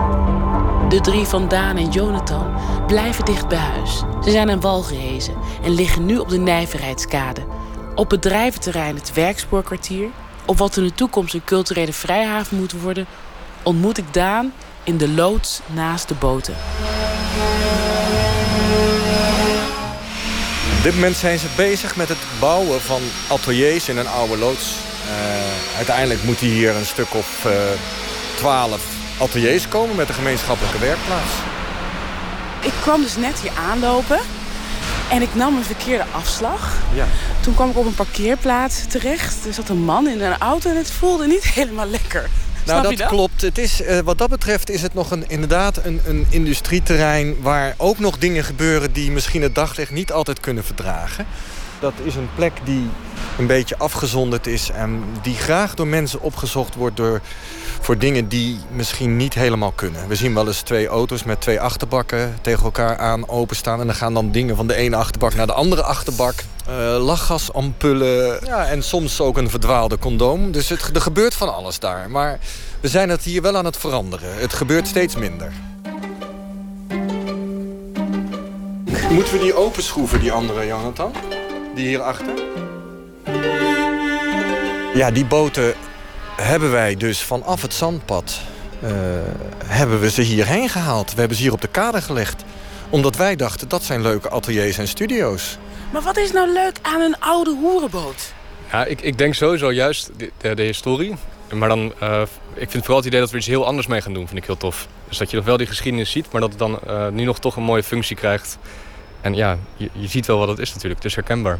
Een boot, ongeveer 15 meter lang, bruin-geel Ja, bedekt. ja, ja. Ik wil heel graag naar binnen. Mag dat? Ja, kan. jij de sleutel? Ja? Ja, ik heb ze. Ja, we moeten eventjes klimmen. Ik heb hakken aan, dat is heel handig. Ja, oh, trappetje. Oké, ik krijg een trappetje. Vroeger dreven ze natuurlijk in het water eh, op basis van een betonnen bak. En die betonnen bak zelf is al, al bijna een meter hoog. En dan komt pas de rand. Dus eh, voorheen waren er loopplanken naar de kant hier op de rand. En nu, eh, doordat ze op de kade staan, worden ze in één keer een stuk hoger. Dus we gaan ook hier een soort bordes maken dat je dus omhoog kan lopen. Hou je hem goed vast? Ja? Oké. Ik zie hier een klein bed. Niet, Het lijkt niet eens op een twijfelaar, maar eerder, eerder een eenpersoonsbed. Ja, een groot uitgevallen eenpersoonsbed. Maar ik denk dat er ook niet heel veel naast elkaar werd gelegen. Dus misschien Nee? dat dat... Toen wij eh, op de kijkdag kwamen, eh, wij dachten inderdaad van... oh, nou, dat zijn mooie ateliers voor op eh, de kade bij ons. Maar als je dan eenmaal binnenkomt, is het wel een gekke gewaarwording... dat je beseft dat inderdaad al die jaren er inderdaad weet ik hoeveel mannen binnen zijn geweest. Eh, en hier gebeurde het inderdaad. Dus dat is, dat is, als je daarover nadenkt, dan is het in het begin heel gek. Maar wij zijn nu zo vaak binnen geweest dat wij het niet meer zo echt ervaren direct. Dus dat, is, dat verandert wel, dat gevoel. Ik vond het ook nog vreemd tijdens het klussen. Toen was ik in mijn eentje aan het werk daar. En dan, ik, weet niet, ik kon me ook inbeelden hoe het dan was... als je daar, daar een dag stond of werkte of weet ik veel wat. Ik vond het een heel, heel maf, maf gevoel.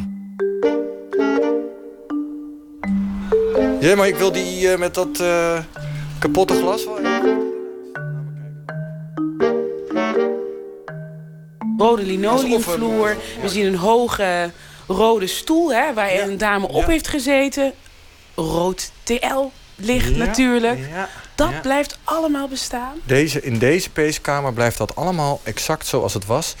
En we willen dus nu eh, hier ook echt een, een, ja, we noemen het een mini-museum over het zandpad. Want ja, het is toch Utrechts erfgoed. Vind je het echt Utrechts erfgoed? Ja, absoluut. Absoluut vind ik het. Ik, ik vind, dit is zoiets van Utrecht geweest. Ja, ik vind dat het behouden moet blijven. Er is dus een bed hier, wit matras, eh, een spiegel. Hè, dan kan je natuurlijk alles goed zien van alle kanten. En daar rechts zie ik een rode knop. Ja. Is dat voor nood of zo? Er was, ja, er was, eh, hebben wij begrepen, een heel alarmsysteem. Elke boot had zo'n eh, knop. En dan kwam er een melding. Dan ging er buiten ook een licht knipperen. Dus als er iets gebeurde wat niet eh, in de haak was... dan kwam natuurlijk de pooier snel die kant op om in te grijpen. Nou, uiteindelijk willen we op deze locatie een vrijhaven maken... voor kunstenaars en mensen die van kunst willen genieten. En daar zullen allerlei dingen ontstaan van exposities, beelden en ook optredens. Maar ook dus de ateliers. En we gaan dus de, de oude prostitutieboten... gaan we eh, omtoveren tot ateliers, studio. En het museum zal vooral gaan over wat er met de eh, zandpadboten vroeger... hoe het daaraan toe ging.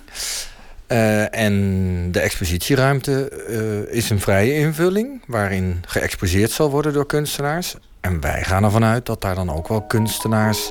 zich laten inspireren door de boten. Wat we begrepen hebben, was het een 24-uurs business. Dus er zat, ja, dat, ik denk niet dat één vrouw dat uithoudt. Dus er werd afgewisseld regelmatig. Ja. Ja, ik zie daar een witte kast, twee slotjes. één is voor de dag en één van de avond.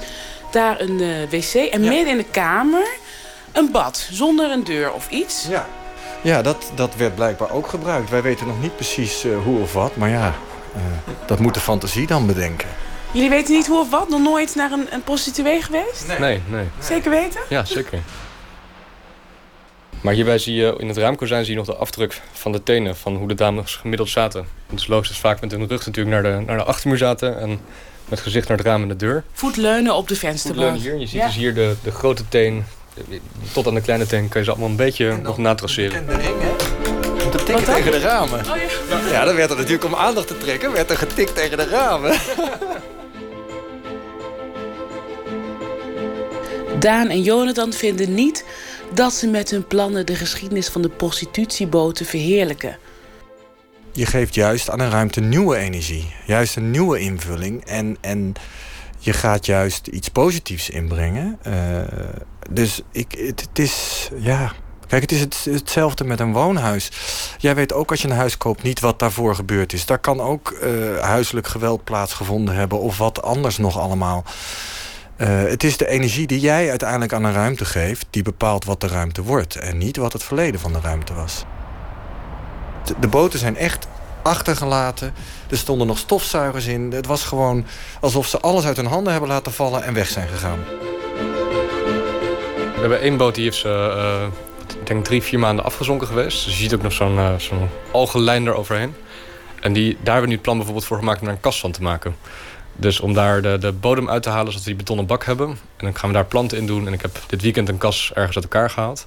Dan gaan we dat mixen tot een tof architectonisch object. Dus het is inderdaad een, een, een plek die wel emoties oproept.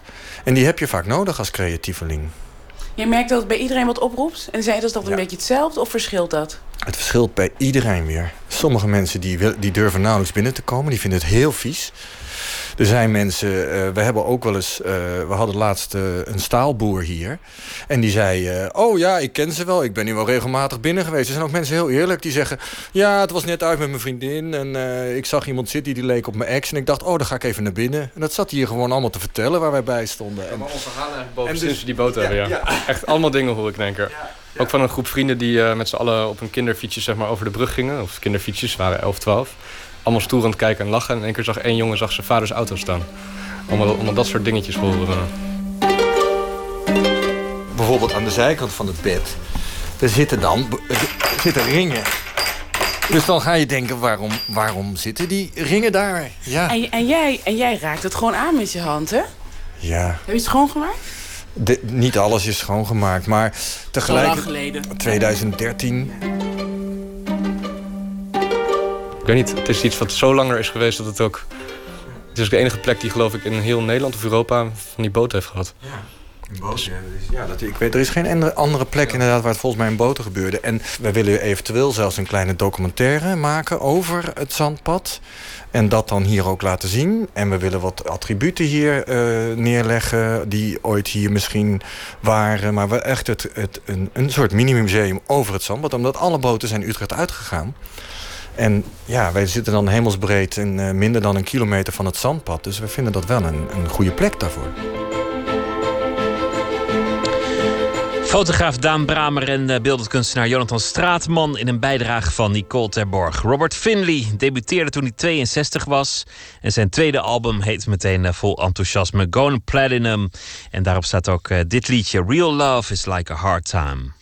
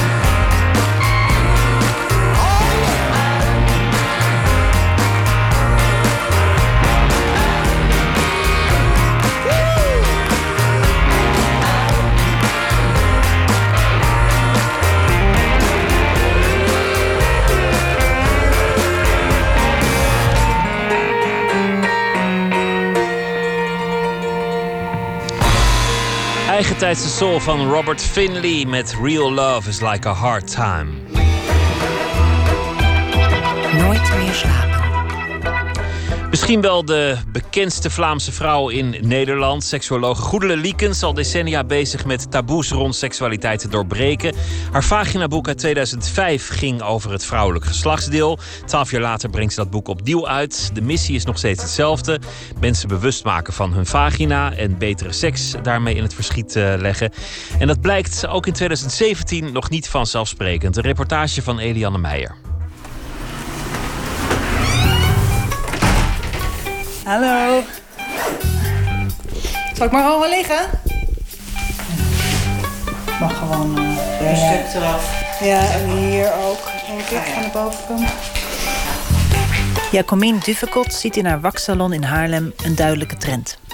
Verreweg de meeste vrouwen die waksen, behalve ik dan, willen alles eraf van onderen. Er klaar voor? Ook 14 en 15-jarigen. Er zijn ook heel veel meisjes die vragen naar een soort eh, bevestiging van... eh, zie ik er raar uit? Of ben ik heel erg behaard? Of ze zeggen dat ze heel erg behaard zijn... terwijl ze geen idee hebben hoe het bij andere mensen is. Nou ja, en ik denk ook dat dat komt uit ja, een nieuwe cultuur die ontstaan is. Ik met mijn vriendinnen stonden gewoon na het sporten met elkaar onder de douche bloot. En zij staan allemaal in bikini en allemaal met hun rug naar, naar elkaar toe.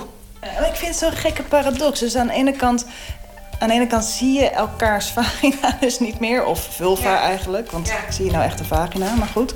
En je praat er niet over. En aan de andere kant willen ze allemaal een Brazilian. het, is, het, het is een, het is een gekke tegenstelling. Schaamte. We schijnen er als vrouwen veel last van te hebben. Wacht, wat moest jij weten van naaktcijfers? 1 op de vier vrouwen vindt het nog altijd ongemakkelijk, aan je dat was, om het woord vagina uit te spreken. 1 op de vier. Ja. Krijgt het gewoon niet uit de mond. Ja, vindt het moeilijk om dat uit te spreken. Oeh, dat is wat een eng woord. Voor de nieuwe uitgave van het Vaginaboek deed Goedele Liekens een enquête onder zo'n 20.000 Vlamingen. 1 op de vijf schaamt zich voor de geur en het uitzicht. En zijn dat nou cijfers die eh, veranderd zijn ten opzichte van 2005? Nauwelijks. Eigenlijk zijn die cijfers nauwelijks veranderd met dit verschil dat er meer nog ehm, dan voordien vrouwen echt de vagina lelijk vinden. Ter geruststelling voor die vrouwen die hun eigen vagina lelijk vinden, maakte de Britse kunstenaar Jamie McCartney in 2008 al 400 vulva-sculpturen. Echte afgietsels van echte vrouwen in 10 panelen in stemmig wit. The Great Wall of Vagina heet het. En het zegt: die van jou is niet raar, of abnormaal, of rijp voor chirurgie. Het is tegengif voor het idee dat je een gladgetrokken poes zou moeten hebben. De operaties die die jonge meisjes, hè, die zo in de lift zitten bij jonge meisjes om die schaamlippen weg te knippen. Ja, daar kan je je toch heel ernstige vragen over stellen. We zijn, ik ben goodwill-ambassador voor de Verenigde Naties. Wij strijden wereldwijd tegen FGM, de, de hè, vrouwenbesnijdenis, of verminking noemen we dat dan. Maar we doen ongeveer hetzelfde. Ehm, hier met die meisjes. En, en vergeet niet, de clitoris heeft uitlopers. En, en in die schaamlippen zitten zoveel eh, gevoelige zenuwuiteinden... die je seksueel genot vergroten. Dus het is nog niet onderzocht geweest, maar de kans is zeer groot... dat je eigenlijk het seksueel genot van die meisjes ja, eh, boycott, minstens... ja, het is, het is natuurlijk de maatschappij waar zij in leven... die maakt dat ze, dat ze daar voorstander van zijn... dat ze dat willen laten doen. Dat ze in, eigenlijk in hun, in, in hun perfect normale vagina laten snijden en naaien en knippen... met het gevaar dat het seksueel genot er, eh, eraan gaat. Ik spreek Goedele in een groot hotel in Antwerpen, waar we een rustig plekje op de bovenste etage hebben opgezocht. In de lobby praat het, ondanks onze vooruitstrevendheid, toch wat ongemakkelijker over de vagina. En dat ongemak, zegt Goedelen, begint al bij de taal. Als ik mijn seksuele opvoeding geef en soms kom ik dan ook in gezinnen waar je hen moet helpen praten daarover. En is eigenlijk de eerste, maar ook tegelijk de moeilijkste opdracht: hoe gaan we dat noemen? En, en wat ik dan doe om dat een beetje los te maken... Oké, iedereen doet een aantal suggesties, van goede en slechte suggesties. Schrijft die op een papiertje, we schudden die in een grote zak of een pot door elkaar. Eén voor één halen we er een briefje uit. We lezen het luid op voor en dan leggen we op een stapeltje weg ermee of oké, die gebruiken we. Het leuke is ook dat het een, een soort iets grappigs wordt, maar tegelijkertijd ook het, het een beetje oplucht. Je, je, je maakt het een beetje humoristisch en je bent verplicht om het luid op te zeggen. En als je dan zegt van oké, dit is het woord dat wij hier gaan gebruiken, dit is het briefje, ja, dan moet iedereen het luid op zeggen natuurlijk. En een aantal keren zo luid mogelijk. O kut, o snee, o prem, o split, o gluf, o naad, o kier, o rik, o Goedelen wil af van het woord schaamlippen en heeft een heuse wedstrijd daarvoor opgetuigd. Trotslippen, dat is haar suggestie. Het is een van de manieren om het gesprek over vrouwelijke seksualiteit aan te slingeren. ja, een thema dat mij altijd bezighoudt... is het feit dat het, het vrouwelijk lichaam wel enorm wordt geseksualiseerd. Maar we weten eigenlijk heel weinig over vrouwelijk seksueel genot. Programmamaker Shula Tas organiseerde eind vorige maand een cliteracy-avond in het Amsterdamse Paradiso. In de voetsporen van de Amerikaanse kunstenaar Sophia Wallace. Het is namelijk nog maar net doorgedrongen dat de clitoris, let op de klemtoon, clitoris, geen moeilijk vindbaar knopje is, maar een wonderbaarlijk orgaan dat qua werking veel op de penis lijkt en dat puur ontworpen lijkt voor het seksuele genot van de vrouw. Ik wist het ook niet. Ja, nee, dat, dat was ook de reden dat ik dit organiseerde. Omdat ik dus zelf erachter kwam dat het er heel anders uitzag dan ik eh, dacht. En om mij heen, eh, eigenlijk al mijn vriendinnen en mijn vrienden... eh, zijn toch hoogopgeleide mensen. Die hadden dezelfde mate van eh, verbazing toen ik het aan hun liet zien. Ehm, en dat was voor, voor mij de reden om, om er wat meer over te weten. I think that everywhere we see the exposed female body, and yet we don't know the actual female sexual organ, the clitoris. So showing it is not the point, right? Understanding it is the point. Literacy of it, knowledge of it is the point. En eh, de term cliteracy komt van eh, eh, de kunstenares Sophia Wallace. Die heeft dat bedacht. Zij, heeft, zij is ook al is nu, ik geloof ik, een aantal jaar bezig met, met dit project, Cliteracy. En zij is op verschillende manieren, probeert ze eigenlijk de, de clitoris onder de aandacht te brengen. Ze heeft bijvoorbeeld een, soort behang, fleur de clit. En dat zijn allerlei, nou ja, clitorisjes op, eh, in, het, in het goud. Ja. Eh, die, die je gewoon op je muur kan plakken. Maar ze heeft ook de clit rodeo. Eh, dat is een enorme levensgrote clitoris waarin, waarop mensen kunnen, kunnen rijden. Ehm, en ze is heel veel bezig met de taal, taalgebruik erom. Ze, zij zegt vooral, zeg haar naam. Say, her name, clitoris. Ja. Omdat het dus heel, voor, heel vaak voor mensen nog best wel een ingewikkeld woord is om te gebruiken. Omdat het toch heel veel schaamte op, opbrengt. Ja, nou oplevert. eh, heb ik het met eh Goedele Liekens over de vagina gehad. En dat de vagina eigenlijk al een ongemakkelijk woord is. Ehm, dus Ja. zou, je, zou je zeggen dat cliteracy een soort van de volgende stap is in de nou ja, emancipatie van de vulva? In dat hele gebied? Ja, dat denk ik wel. Ja. Ja, dat denk ik wel. Want de vagina is vooral het geboortekanaal. Dus de vagina is alleen maar de ingang. Ja. En de vulva is dat, datgene wat uitwendig zit. En dat, dat is ook waar we het over hebben vaak als we het over de kut of de vagina hebben. Ja. Dan bedoelen we eigenlijk de, de vulva. Ja, het buiten, wat je van buiten kan zien, inderdaad. Ja. Ja, ik geloof precies. dat Sophia Wallace ook zoiets he- zei als... the whole is not the whole. Ehm, Precies, het, ja. het is natuurlijk Ja, mooier in het. Engels. Ja, dus het, Ja. Het, het, het, het gat is niet het geheel. Eh, Nee, we, we hebben het over meerdere dingen. Ja. The whole is not the whole. With cliteracy, I had a lot of fun with wordplay. There was just so much material to work with and so much to talk about. In de waksalon ratst Jacomien nog wat haartjes weg. Dat is gemeen stukje. Maar dat intieme en dat blote en dat, dat is toch, heeft toch, neemt toch een andere wending dan wat je zou, hè, als je in de lijn kijkt van waar wij vandaan komen en waar we Ja. nu staan, neemt dat een totaal andere wending dan we gedacht zouden hebben. Nou ben ik blij dat ze niet met z'n allen onder de douche eh, in een kringetje elkaar vasthouden. Want dat zou ik ook weer een ander. Ja, dat zou ik ook weer een beetje merkwaardig vinden. Maar het feit dat ze zich zo, zo schamen en zo daarmee bezig zijn, vind ik raar. Ja. Toch. Als jouw vagina zou kunnen praten, wat zou ze dan zeggen? Die vraag werd twintig jaar geleden al gesteld in de Vagina Monologues van de Amerikaanse toneelschrijver Eve Ensler. Die vagina zou inmiddels in ieder geval zeggen dat ze al die tijd verkeerd begrepen is. En dat er veel te lachen valt, maar ook heel veel te huilen. Met een verwijzing naar Donald Grab by the Pussy Trump schreef Eve Ensler onlangs dat zij helaas niet kan zeggen dat de vrienden van de vagina gewonnen hebben. Maar Goedele Liekens en Chulatas zijn hoopvol. Het voelt bijna alsof die, die tegenreactie, want, want hoe sterker de, de dames, het matriarchaat zich dan maar zou worden, hoe meer de eh, andere kant in de verdrukking komt. Dus die moeten dan zeggen, oh, wacht even, we moeten weer, eh, we moeten weer terug. Maar ja, tegelijkertijd wil het dan ook wel zeggen dat we met z'n allen dat daarom niet moeten laten gebeuren. En eh, vergis je niet, het gaat altijd over een roepende minderheid. Want ik merk toch ook heel veel, eh, zeker bij de jonge generatie, heel veel mannen die heel positief daarmee omgaan, die eigenlijk meer geëmancipeerd zijn dan, dan vrouwen. En die hebben we wel nodig om mee de schouders onder, hieronder te zetten. Ja. Wat mij dus op is gevallen is dat ook heel veel mannen hier eh, juist heel erg van aangaan.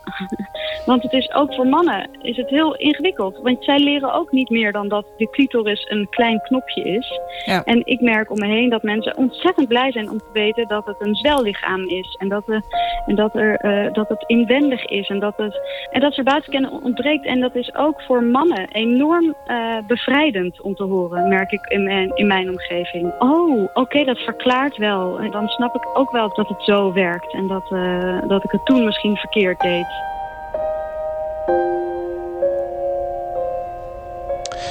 Programmamaker Shula Tas, wax-specialiste Jacobien Duvekot en seksuologe Goedele Liekens in een reportage van Eliane Meijer over het vernieuwde vagina-boek van Goedele Liekens.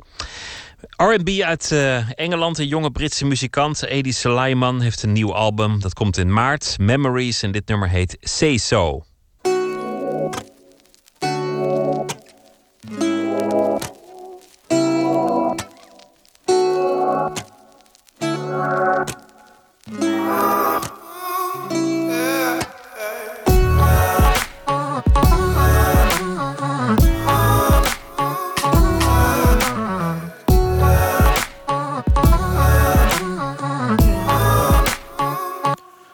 See you soon as I come through. First thing I think when I walk in that room is fuck this girl so beautiful. I wonder if you'll look back at me too.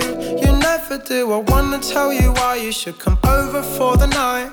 But when I catch your eye, I get this feeling from inside. It's like, rough, this shit ain't wise. You she will not like. I wish I could decide. I wonder, should I say so?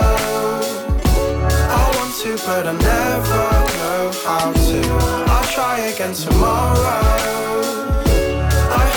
One day I dare tell you. I wonder, should I say so? I want to, but I never know how to. I'll try again tomorrow. I hope that one day I dare tell you. I wonder, should I? I wonder, should I say so? I wonder, should I? I wonder, should I say so? On my mind, always on my mind. And I don't even know your name or what you like, what you like. But still, I wanna hold you like you're mine.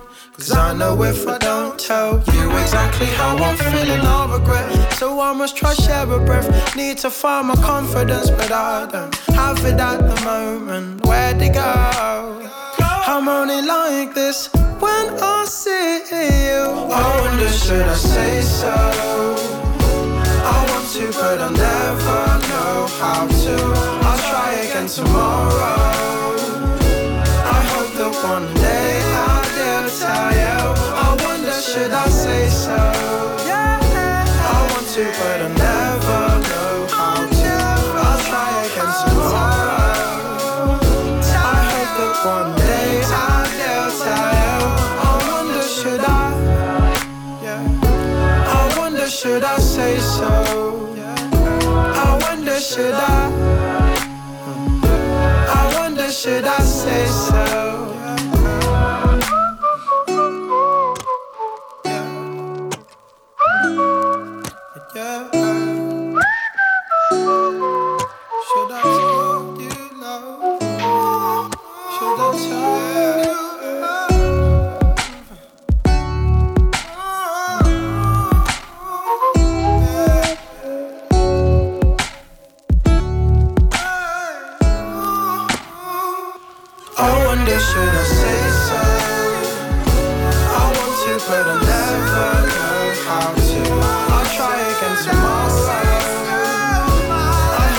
One day I'll dare tell you.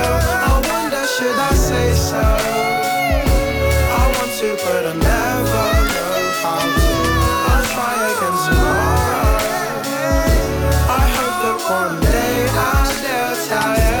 I wonder should I? I wonder should I say so? I wonder should I? I wonder should I say so?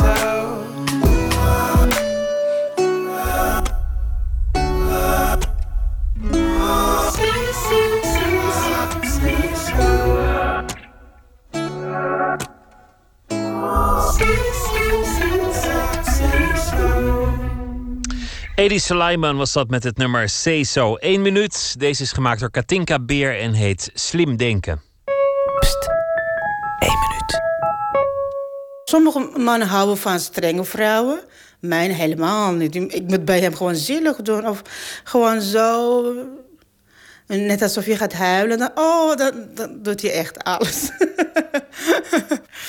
Dat is mijn geheim. Ik geef een voorbeeld. Ik heb iets besloten om te doen. S'avonds heb ik uh, afspraak met mijn vriendinnen. Ik zeg, ik wil dat doen. Mag het van jou? Dan moet je gewoon ja zeggen. Dan zegt hij ook. Dan vindt het zielig. Als ik zeg, ik ga vanavond, dan vindt hij niet leuk. Een beetje slim moet je denken. En als het een beetje zagrijnig is... want ik wil niet een zagrijnige man om me heen... dan ga ik ook wat... Uh, netjes praten en wat uh, mooie dingen zeggen, dan is hij gelijk er weer over. In het Turks noem ik zijn naam en dan meneer erbij. Normaal doe ik dat niet. Hij vindt het ook stoer hè, als ik zo uh, praat tegen hem. Kijk, ik ben een man, ze doet alles wat ik zeg, maar het lijkt wel zo, maar het is juist andersom. Eén minuut gemaakt door Katinka Beer. Thomas Herma van Vos zal deze week elke nacht een verhaal schrijven bij de dag die achter ons ligt. Een dag vol sneeuw en problemen voor iedereen die ergens naartoe moest. Thomas, goeienacht. Goeienacht, Pieter. Moest je vandaag ergens naartoe? Ik moest ergens naartoe en uh, dat was niet ver. Ik woon in Amsterdam. Ik moest naar Hoofddorp. En heen ging dat allemaal prima. En terug, uh, ik kon gelukkig een, een, auto delen met mensen. Maar dat duurde dan toch een goede 2,5 uur of iets dergelijks. Van Hoofddorp uh, naar, uh, naar Amsterdam in 2,5 ja, uur. Ja, wow. in plaats van het gebruikelijke half uur. En uh, die tijd had ik. En het was dus niet zo'n grote afstand. Maar ik kreeg meteen wel medelijden met de mensen die echt naar de andere kant van het land moesten. Of die tot heel laat helemaal afhankelijk waren van openbaar vervoer. En vaak hangt er om van die weeralarmen nog wel iets heen van ach, overdreven of iets dergelijks. Maar hierbij had ik het idee dat de boel wel flink ontregeld raakte. Ja, je zou maar ja. eens op zo'n veldbedje in de vertrekhal van Schiphol liggen.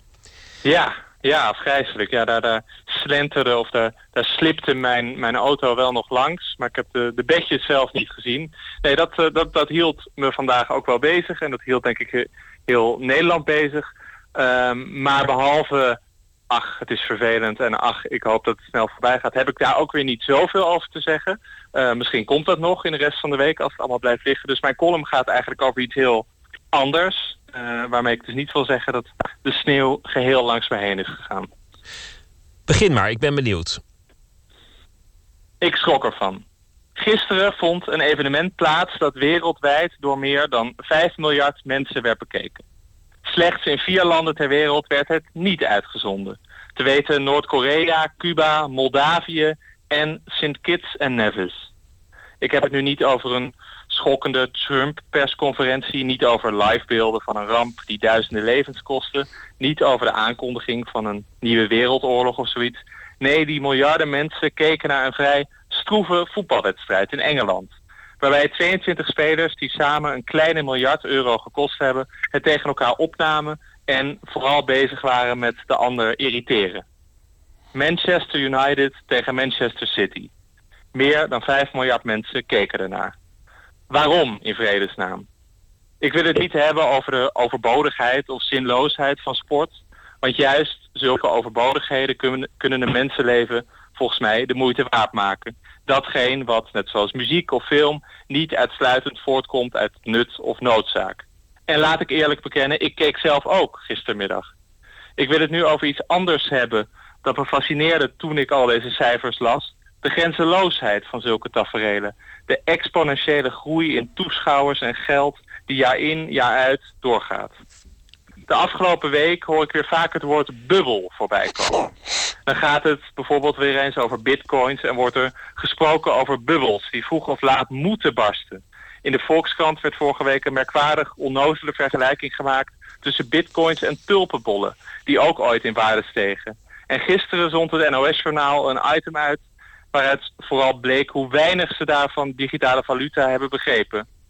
Ook in gesprekken over voetbal, over die miljardenindustrie, wordt steeds vaker gezegd, het is een bubbel. De bedragen die daar nu in omgaan zijn gewoon te groot, het klopt niet, het gaat op een dag barsten.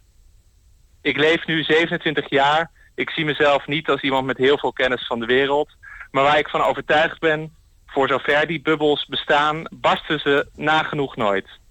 Zelfs na de wereldwijde recessie in 2008 gebeurde er in zekere zin niets. Ondanks alle kritiek en kortstondige schulden. De grote banken bleven gewoon overeind. Het systeem van hebzucht en topsalarissen bleef in stand. Zoals die schrijnende documentaire Inside Job, ik hoop dat je hem kent, overtuigend liet zien. Graag wil ik nu op deze nacht een weddenschap sluiten met een trouwe luisteraar van Nooit meer slapen. Ik zeg, binnen vijf jaar wordt een voetballer voor een miljard verhandeld. Om vervolgens wereldwijd door misschien wel 10 miljard mensen te worden bekeken. Ik zeg een volmondig ja. Inzet 1000ste bitcoin. En dat is dan ook alweer een kapitaal waard. Over de bubbels en de hypes en uh, de hoos en uh, de, de nieuwe pieken elke keer weer. Ja, het, uh, de pieken neemt... die elkaar maar blijven overtreffen. Ja, het neemt steeds belachelijke vormen aan. En ja, dat zal inderdaad nog wel even doorgaan, denk ik. Met, met ja, maar vaak zeker. als mensen dan zeggen, dat gaat nog wel even door. Uh, zoals bijvoorbeeld met voetbal, dat is nog iets anders dan met bitcoins natuurlijk. Maar dan klinkt er toch in door van ja, dat houdt op een dag allemaal wel weer op. En dat is dus wat ik tot op zekere hoogte wel dan eigenlijk betwijfel. Ja, de bitcoin weet ik niet hoe dat zit. Dat, want computers worden ook sneller, dus dan kan je ook sneller bitcoins aanmaken. Dus er zal toch een soort inflatie misschien komen. Maar daar ben ik ook geen deskundige op dat vlak. Maar ik lees veel artikelen die toch wel overtuigend voorspellen dat dat uh, minder gaat worden. Ja, maar wat ik daar dan ook als leek, dus god ja, twee leken die in de nacht op de radio het eh, alsnog even gaan duiden, maar uh, me heb laten vertellen is dat de, de hoeveelheid wel echt eindig is. Daar zit een grens aan.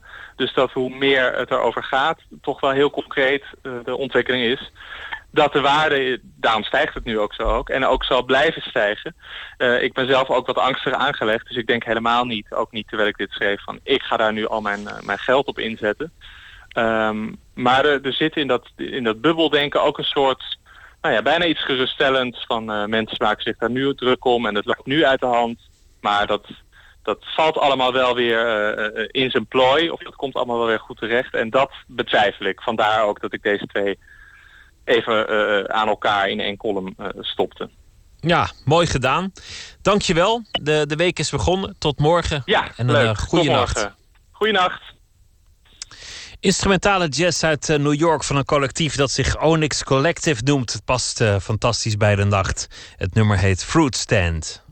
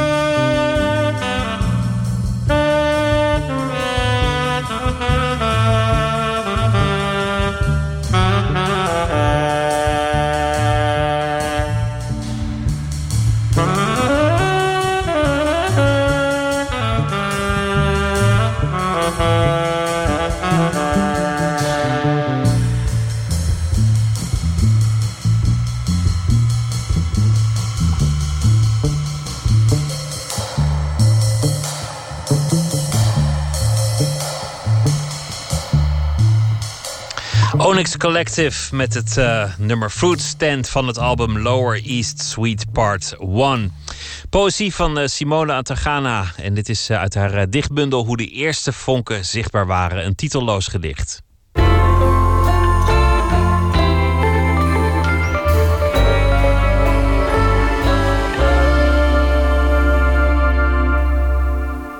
Dat ik tegen het vallen van de avond met toegeknepen ogen het licht op de snuit van de ree zag schijnen.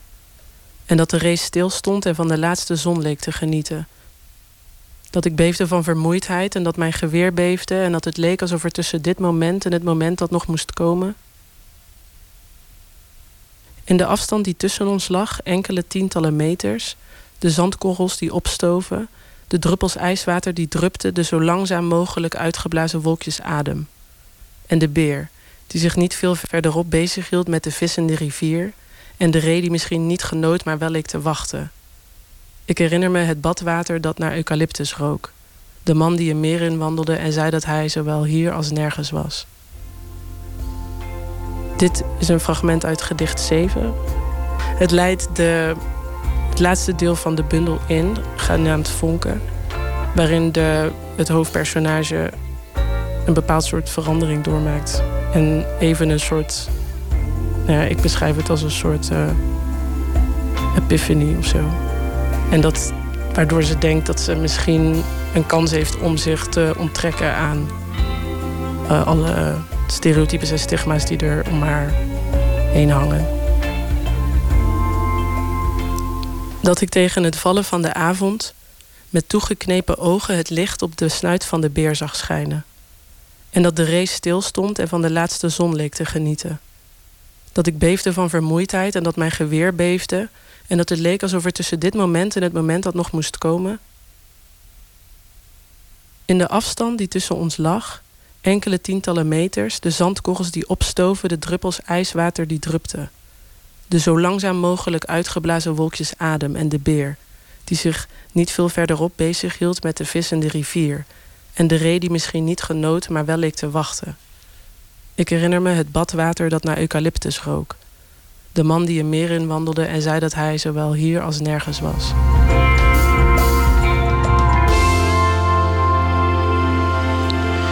Simona Tagana Bekono met een uh, titelloos gedicht. We eindigen deze dag met eh, Snow Patrol natuurlijk. Het nummer heet Shut Your Eyes.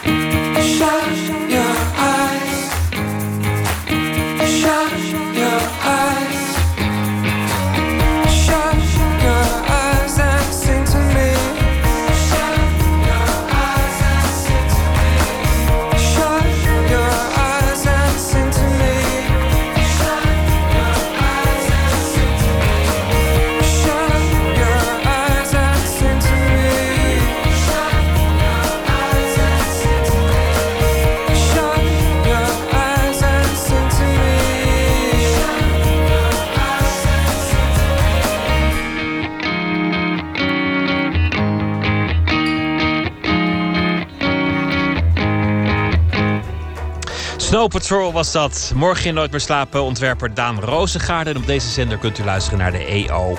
Ik wens u nog een hele goede nacht en graag weer tot morgen.